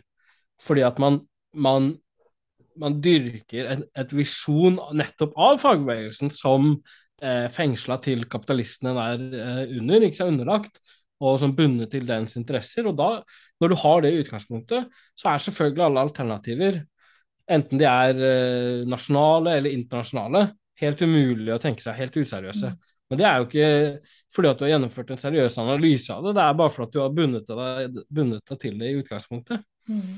Ja. Og, og, og de, de, europeiske aksjonene vi snakker om, f.eks. Altså det er slutten av 1800-tallet, det, det, er så vidt det finnes noe tog. Det, det er hest og kjerre og dritt og møkk. Og, så at kommunikasjonsmidler fins jo omtrent ingenting sammenligna med nå. Man skriver brev til hverandre og tar hest og kjerre. Uh, altså, og likevel så får man til å koordinere aksjoner for uh, arbeidstidsbegrensning over et helt kontinent. Og så skulle det ikke være mulig å jobbe på samme måte nå. Mm. Så, så, kom igjen, liksom. Det er jo, det er jo en bløff. Åpenbart er det en bløff. Ja. Og det, jeg tror at det, sånn som jeg tenker på det, er at man Stein Lier Hansen, altså lederen for Norsk Industri, NHO-sida, han sa i forkant av årets lønnsoppgjør lønnsoppgjør at eh, kravene kommer til å bli nedjustert i alle land. Og Det er litt sånn som jeg tror LO-ledelsen også ser på det i Norge. At det er akkurat som værfenomener. Der hvor Stein Lier Hansen og alle som følger med, de bare observerer resten av landskapet som om det var vær. Og så skal man ta inn over seg disse passive objektene som eksisterer i, resten av verden. Og så må vi bare realitetsorientere våre krav i hensyn til det. Men det vi ikke ser da, ikke sant, er det at hvis vi oppfører oss på den måten, så vanskeliggjør vi kampen til de arbeiderne i andre land. Altså det som ville vært del én. Før vi kommer til noen spørsmål om koordinering eller noe som helst, så må man stille seg ja, hvordan er det progressive arbeidere i Norge skal oppføre seg for å best styrke kampen til progressive arbeidere i andre land? Og det er i hvert fall ikke ved å drive og dulle rundt med noe konkurransekraftshensyn eller et eller annet sånt noe. Jo mer militante norske arbeidere er i sine lønnskrav, jo bedre er det for lønnsarbeiderne i andre land når de skal fremme sine. For hvis Tyskland og Norge f.eks. Altså skal drive og holde på fram og tilbake. Nei, men nå har norske arbeidere senka sine lønnskrav. Nei, men nå har tyske arbeidere senka sine lønnskrav. Nei, men nå Ikke sant? Den tankegangen der, det gjør jo bare at vi umuliggjør det for de samme gruppene som oss selv i andre land. Så mm. det beste vi kan gjøre Og da tenker jeg sånn at ok, i Norge så tross alt det, det, det, Her er det litt å gå på, liksom. Ja vel, så tyner vi profittratene til de og de bedriftene noen år, da. Så får det litt vanskelig. Da blir det opp til andre om, om de vil prøve å følge etter eller ikke. Så hvis sånn som britene nå som det ser ut som prøver å, å, å kjøre litt på, vi får se om det ebber ut eller ikke. Men det beste man kan gjøre da, er jo å henge seg på den samme linja. For hvis alle skal drive og være sånn servile moderasjonsfolk, så tvinger man jo andre folk inn i, inn i det samme sporet. For det blir umulig, eller blir i hvert fall vanskeligere for dem å føre deres kamp, da. Mm. Det er jo sånn Lenin, liksom, De sier når de lagde russisk revolusjonen, og da er jo budskapet til tyskerne nå er det deres historiske plikt å gjennomføre en revolusjon i Tyskland. Mm. Hvis ikke så har dere fucka oss fullstendig. Hvis ikke ja. så er vi helt kjørt. Så, og, og, sånn er jo alltid. ikke sant, at når vi har klart, Nå har vi fått på plass en, en sekstimers uh, arbeidsdag. Og det er jo, da, da er jo budskapet, det, den brennende fanen, som vi har heist for, eh, for, arbeiderne i Sverige, og Danmark og Tyskland og alle steder, at de, må, de, har, de har seg pokker å gjøre det samme så fort som mulig. Ja. Hvis, ikke så henger, hvis ikke så henger de også i stikken. Ja. Uh, ikke sant? Ja. Og det er ikke pent. Det er Nei. ikke pent gjort. Ikke pent gjort, helt riktig. Det, det, må være liksom en måte å tenke på. ikke sant? At, og da har vi jo gjennomført en aksjon, og det er en viss risiko i det, og norske kapitalister er ikke fornøyd, og de truer med utflagging og dritt fra sekstimersdag. Det er ikke, det er ikke å tulle med. Uh, det, er, uh, det, er, det er tunge saker. Men, men liksom vi, vi, Det er signaler vi sender. Ja, og da må andre komme etter. Europa, liksom. Da ja, må da må du følge etter. Mm.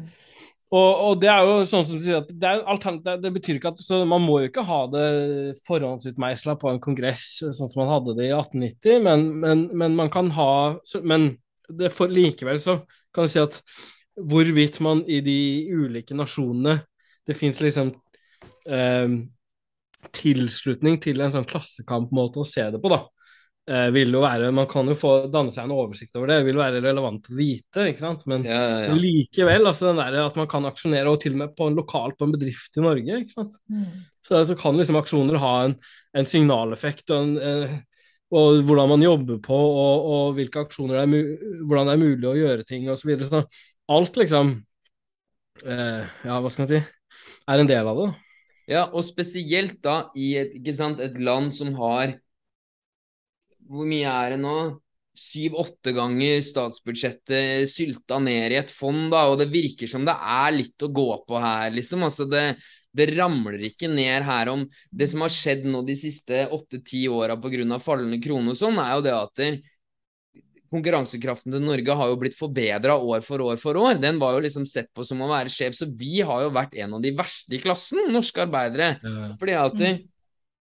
vi har tilpassa oss såkalt ett nivå ved å gradvis eh, senke, senke, vår standard ned mot de andre, så det ikke er noe, noe oppover. Og det er, er det, det, er jo helt urimelig at det skal gjøres i, av arbeidere i et land som har så mye å gå på, mens de landene mm. som på en måte fortsatt kjører en hard og militant kamp, sånn som grekerne. ikke sant? Altså, Hvem er det som har tjent på at de har hatt en militant fagbevegelse? Det er sånn servile, ikke-streikende land som bare tenker da at he-he, fuck, de arbeidsgiverne der er screwed, for det at der er det for mye tull og tøys. Men vi holder fredsplikten vår og tenker ja, på konkurransekraften, og så kan vi hente ut Ikke sant? Det er, det er så jævlig lite solidarisk, og det er det som ikke Jeg tror folk ikke skjønner at det, det å tenke på egeninteresse som lønnsarbeider, det er å være solidarisk.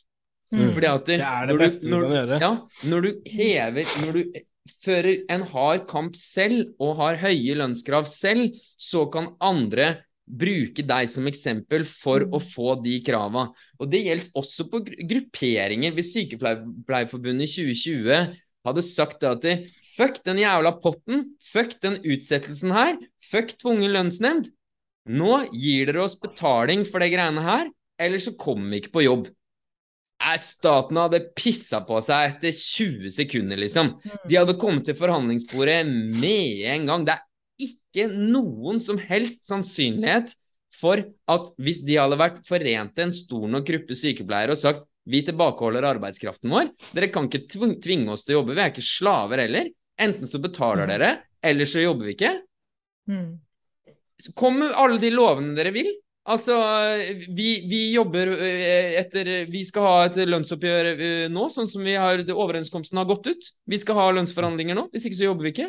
Selvfølgelig hadde de heva det da. Og hvis de sa drit i konkurranseevne og alt mulig sånt da, hva hadde skjedd da? Hva hadde blitt dynamikken i resten av lønnsoppgjøret da? Hvis de mm. hadde gått opp 80 000 i lønn eller et eller annet sånt noe. Det hadde jo ikke trukket andre grupper ned det da, hvis det var innfallsvinkelen. For alle visste det at det var masse samfunnskritiske funksjoner som var i sving under det her. De som måtte da tatt støyten, var enten så måtte staten tatt den, eller så måtte, måtte profittratene tatt den. Mm. Og det er, det er, helt mulig å se for seg det, ikke sant? Og da hadde du i tillegg da smelt på litt internasjonal koordinering oppå det greiene her, da, så kunne det blitt riktig så bra. Å svinge. ja. Men når da, når da, de nasjonale kapitalistene etter hvert klager over at her er profittene begynner å bli så lave at det går, lar seg ikke gjøre å drive lenger, så kan man si ok, men da vi har klart oss uh, så langt, så da, nå kan vi begynne å ta over, ikke sant. Ja.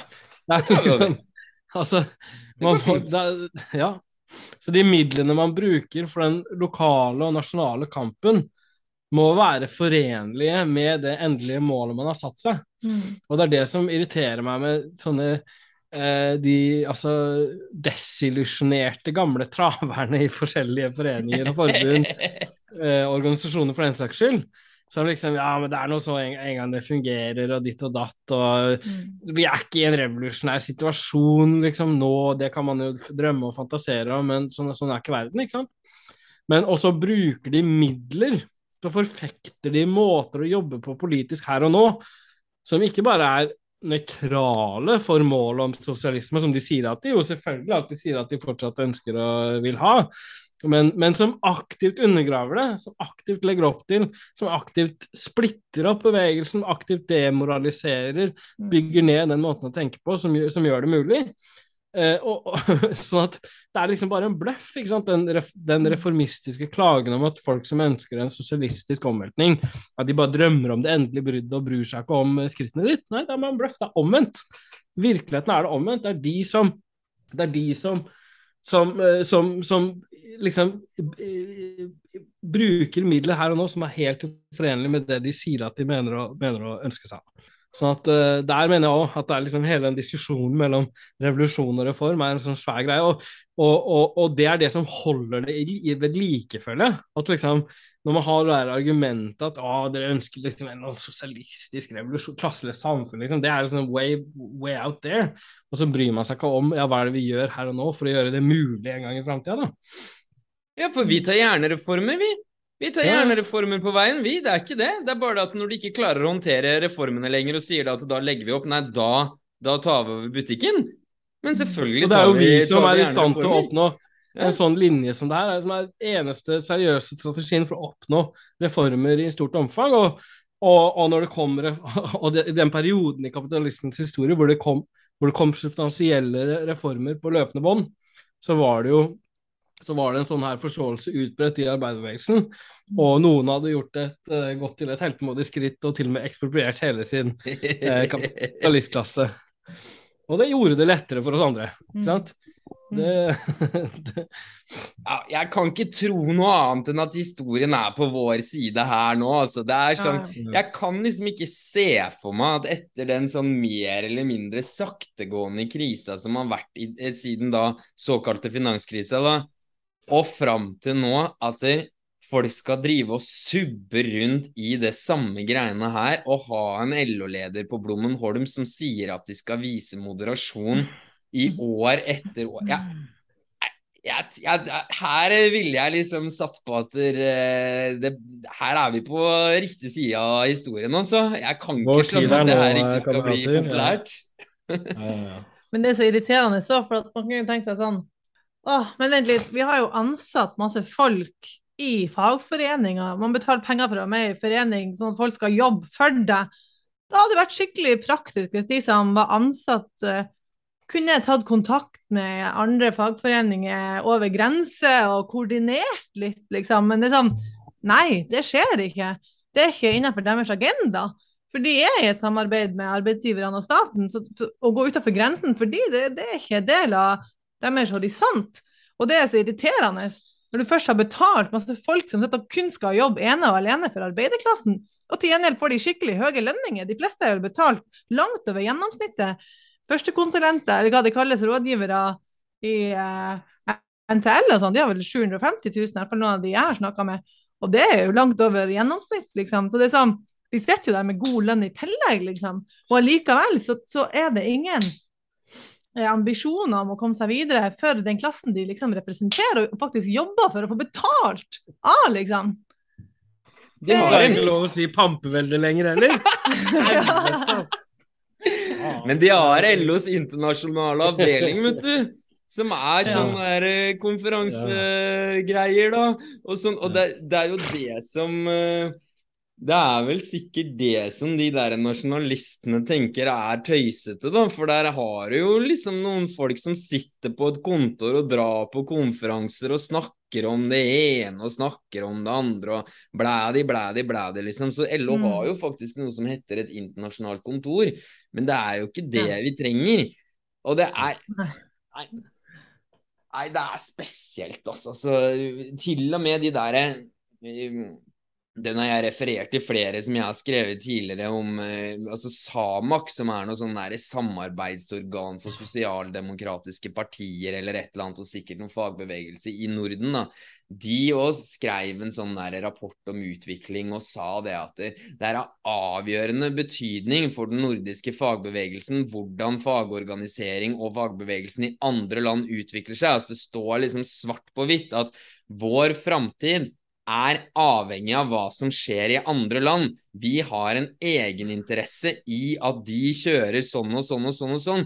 Så selv mm. der, liksom Det mest moderate av det moderate du kan tenke i deg, når de blir tvunget til å ta stilling til spørsmålet, så kan de ikke komme til noen annen logisk konklusjon.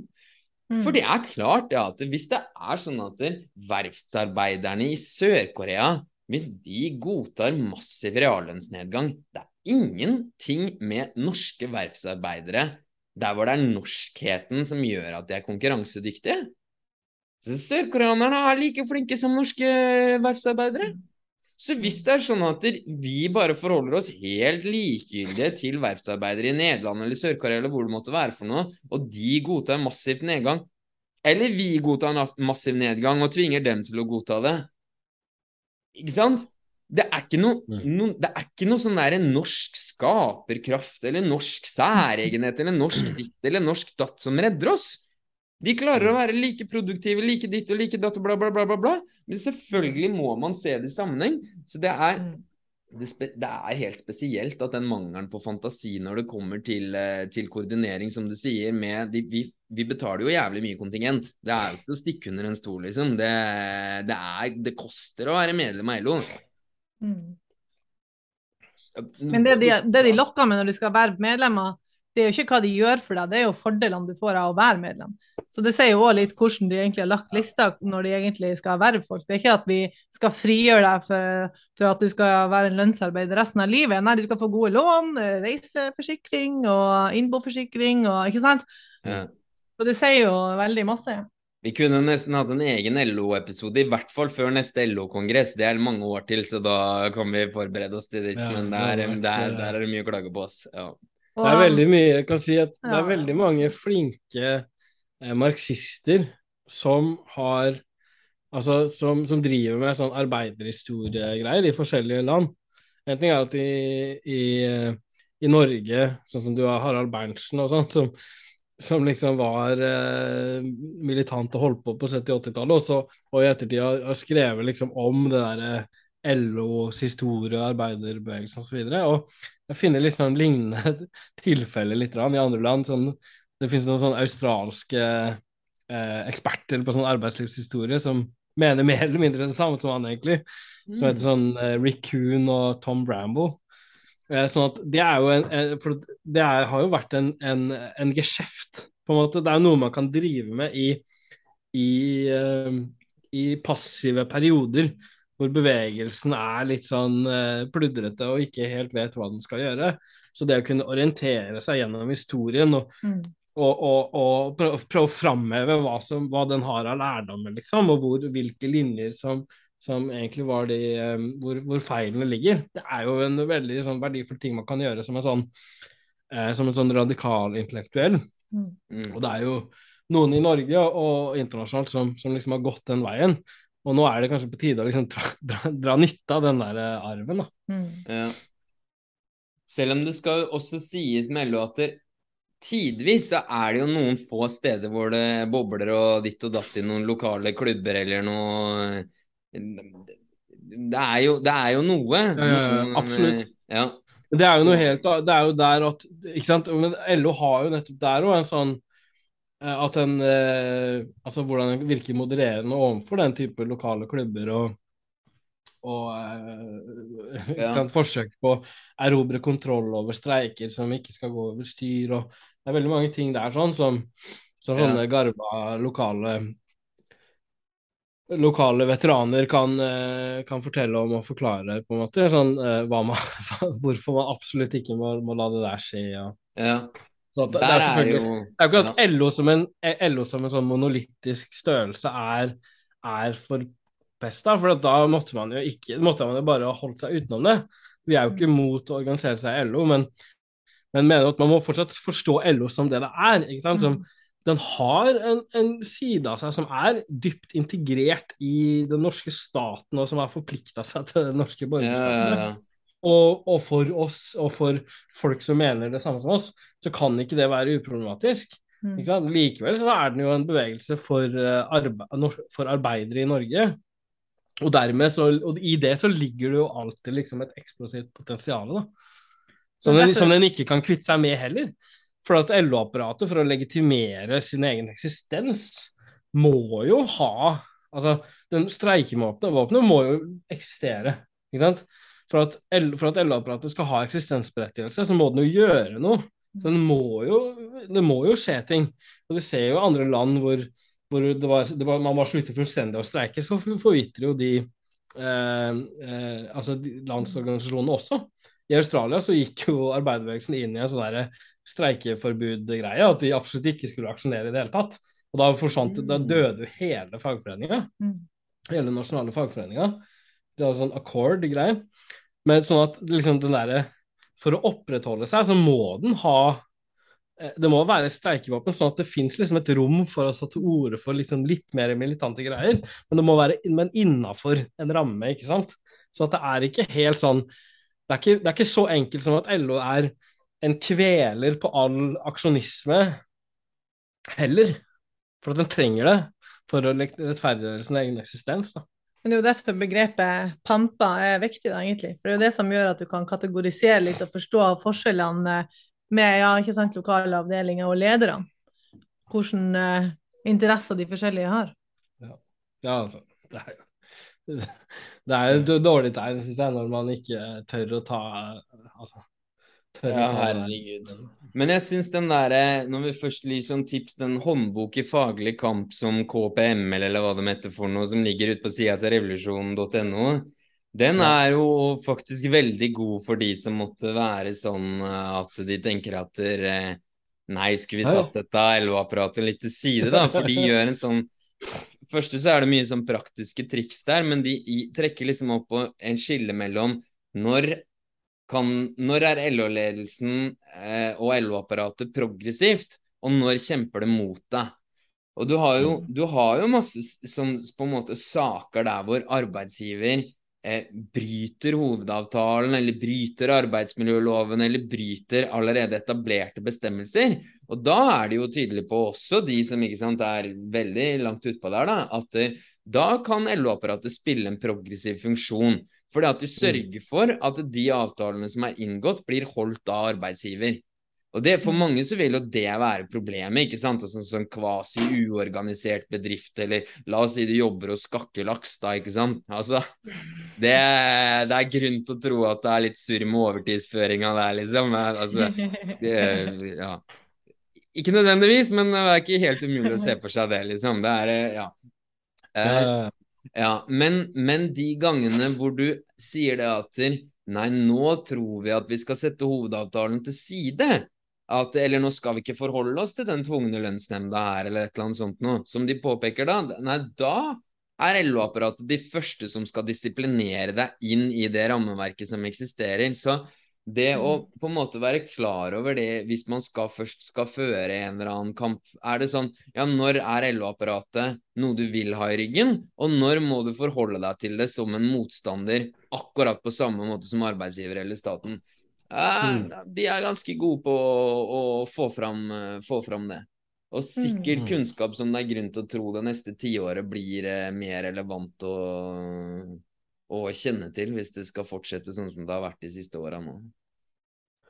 Jeg vil jo si, jeg vet ikke om jeg skal begynne å snakke om KPML eller sånn, men uh, det er jo litt sånn interessant. altså De har jo en Det er jo en historie der, ikke sant. At jeg mener at de har Altså, de, det er jo en av De stammer jo fra fra K, det gamle KA. Å oh, ja. Og med KA, ja. Fra kommunistisk eh, Hvis vi begynner her, så tror jeg jeg må ta en tissepause, ja. for nå har jeg vært sånn Kom med det. Vi går Er det greit? Da er vi tilbake igjen, eh, og vi skal Jeg syns det i hvert fall er verdt å ta det med fordi at det er eh, med KPML og KA også. For jeg syns alltid det er interessant å høre deg snakke om på en måte sånn kommunistiske bevegelser i Norge og hva som har skjedd historisk, for jeg ikke kan det selv. Så um, Og de som hører på nå, liksom, de kan jo skru av, men uh, vi slenger det på. De står og tar oppvaska og har ikke noe bedre å gjøre. Så. Nei. Nei, altså, jo, det var Ja, du nevnte altså, for, Det fins jo en gruppe som heter eh, Hva heter det? Kommunistpartiet, eller? KPML? KPML, tror jeg, ja. Jeg vet ikke hva det står for noe, Ja. Det er sikkert marxist-leninister på slutten, da. Ja, ja, ja. ja, ja, det sier seg selv. Kommunistisk plattform ML, noe sånt, ja. ja. Eh, som er en sånn gruppe, liten gruppe i over hovedvekt i Oslo eh, av eh, av kommunister. da. Eh, også de har laga en pamflett om, eh, om eh, streik, eh, som, som, jeg også syns jeg leste, og også syns var ganske interessant. da. Men på andre områder så er det litt sånn eh, Hva skal man si? Jeg syns, jeg syns de er litt sånn eh, kinkige, da, ikke sant? for at de hadde en sånn I det tidsskriftet Gnist så var det f.eks. en sånn serie om, om hva er egentlig sosialisme. Og da var det liksom et innlegg fra, de, fra en sånn KPML-representant, hvor, hvor, poenget var at vi vet hva, sosial, hva sosialisme er. Det, det, hadde vi i Sovjetunionen under Stalin. Så det vi ønsker å gjøre, er å få tilbake det. Liksom. Det er det vi skal realisere. Det var mer eller mindre Altså, jeg tror ikke, ikke noe Det var akkurat det som ble sagt, da. Ja. Eh, og liksom ganske vilt, da, syns jeg. Sånn at og det som eh, er greia med, med KPML, det mener jeg det, er, det stammer fra det, eh, fra det kommunistiske arbeiderlag på 70-tallet. Som, som igjen var altså, et utspring av kommunistisk universitetslag, ikke sant? Nei, det hadde en selvstendig historie. Ja, Eh, selv om det, de to, det var en sånn slags tilnærming mellom de to, da. Ja, okay. Men det er en annen, annen historie. Men, ja. men, du hadde han Kjell Hovden, som var, med, som var, som var sentral i Jeg, jeg kan, kan, ikke det her så godt som visse andre, da, men, så jeg håper ikke at de hører på, på en måte. Men, men uh, han var sentral i Nordgass-streiken 1970, eller når det var. Og, og, det var liksom starten på den derre bølgen av ville streiker på 70-tallet. og og ganske sånn skikkelig store saker, da. Sånn at og, Men det var en sånn liksom pro-Stalin-parti òg. Eh, ja, akkurat. Sånn de, men de ga, og de ga ut en sånn hefte om, kritisk hefte om AKP, blant annet, som, som, faktisk er ganske interessant. Men poenget mitt var at du hadde Holden, som var sentral der, og han var liksom skikkelig sånn streikeveteran, og ut, utvilsomt må ha vært ganske eh, et talent der men som har en sånn Stalin-beheftelse eh, som han ikke frigjør seg fra, ikke sant? Og, den er, og det samme er mitt inntrykk gjelder i dag for KPML. da. At de har liksom ah. ikke sant? Det, det er folk, det, I hvert fall den heftet der eh, bare vitner om det, på en måte. At de har noen sånne streikekapasiteter. Men, men når det gjelder Men det er liksom alt sånn sosialistisk eh, debatt, det glir inn i en sånn Stalin-greie som er ganske sånn håpløs, syns jeg. da. Ja, jeg har tenkt, eller plassert dem litt i den der sosialisme i ett land-campen. Når du liksom ja. ser den derre um, synet på Altså, bare vi blir kvitt EØS, så blir alt bra, og, og så Man kan godt kritisere EØS, men det er en sånn veldig sånn derre eh, litt sånn sjølråderett undertone der, syns jeg av og til, da. Så, men jeg kan ikke så mye om dem. Ja, ja men, eh, Altså, de var jo i sin tid altså KA kritiserte jo AKP for å være nasjonalistisk, for å tendere i en Mm. veldig sånn nasjonalistisk retning. Og den eh, pamfletten de lagde, som er sånn AKP i norsk politikk eh, Altså, jeg syns det er en fornøyelse å lese, da, så eh, Men jeg er ganske litt sånn ikke, ikke Ja, jeg er kritisk til AKP, da, ja. eh, for å si det sånn.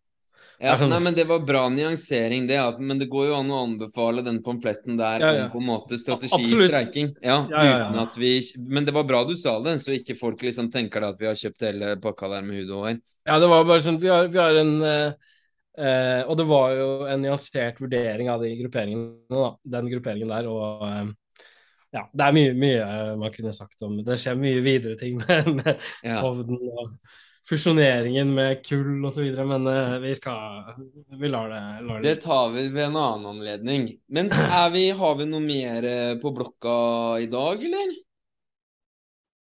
Uh... Nei. Ikke for min del. Nei, nei, jeg tror eh, Eller vi kunne jo snakka veldig lenge om de her temaene, det er jo Ja. Men jeg tenker at jeg føler Jeg tenker, hva er det vi har lest i Klassekampen i siste, om det er noe som Nei. Vi kommer tilbake til nasjonalismespørsmålet, det er helt sikkert. Men Ja, eh, Ja. det er Nei, ikke jeg noe tror det grunn til å bra. Ja, da, da Vi, takker vi vi for oss. gjorde et uh, forsøk på å håndtere det her som best vi kunne. og Ja.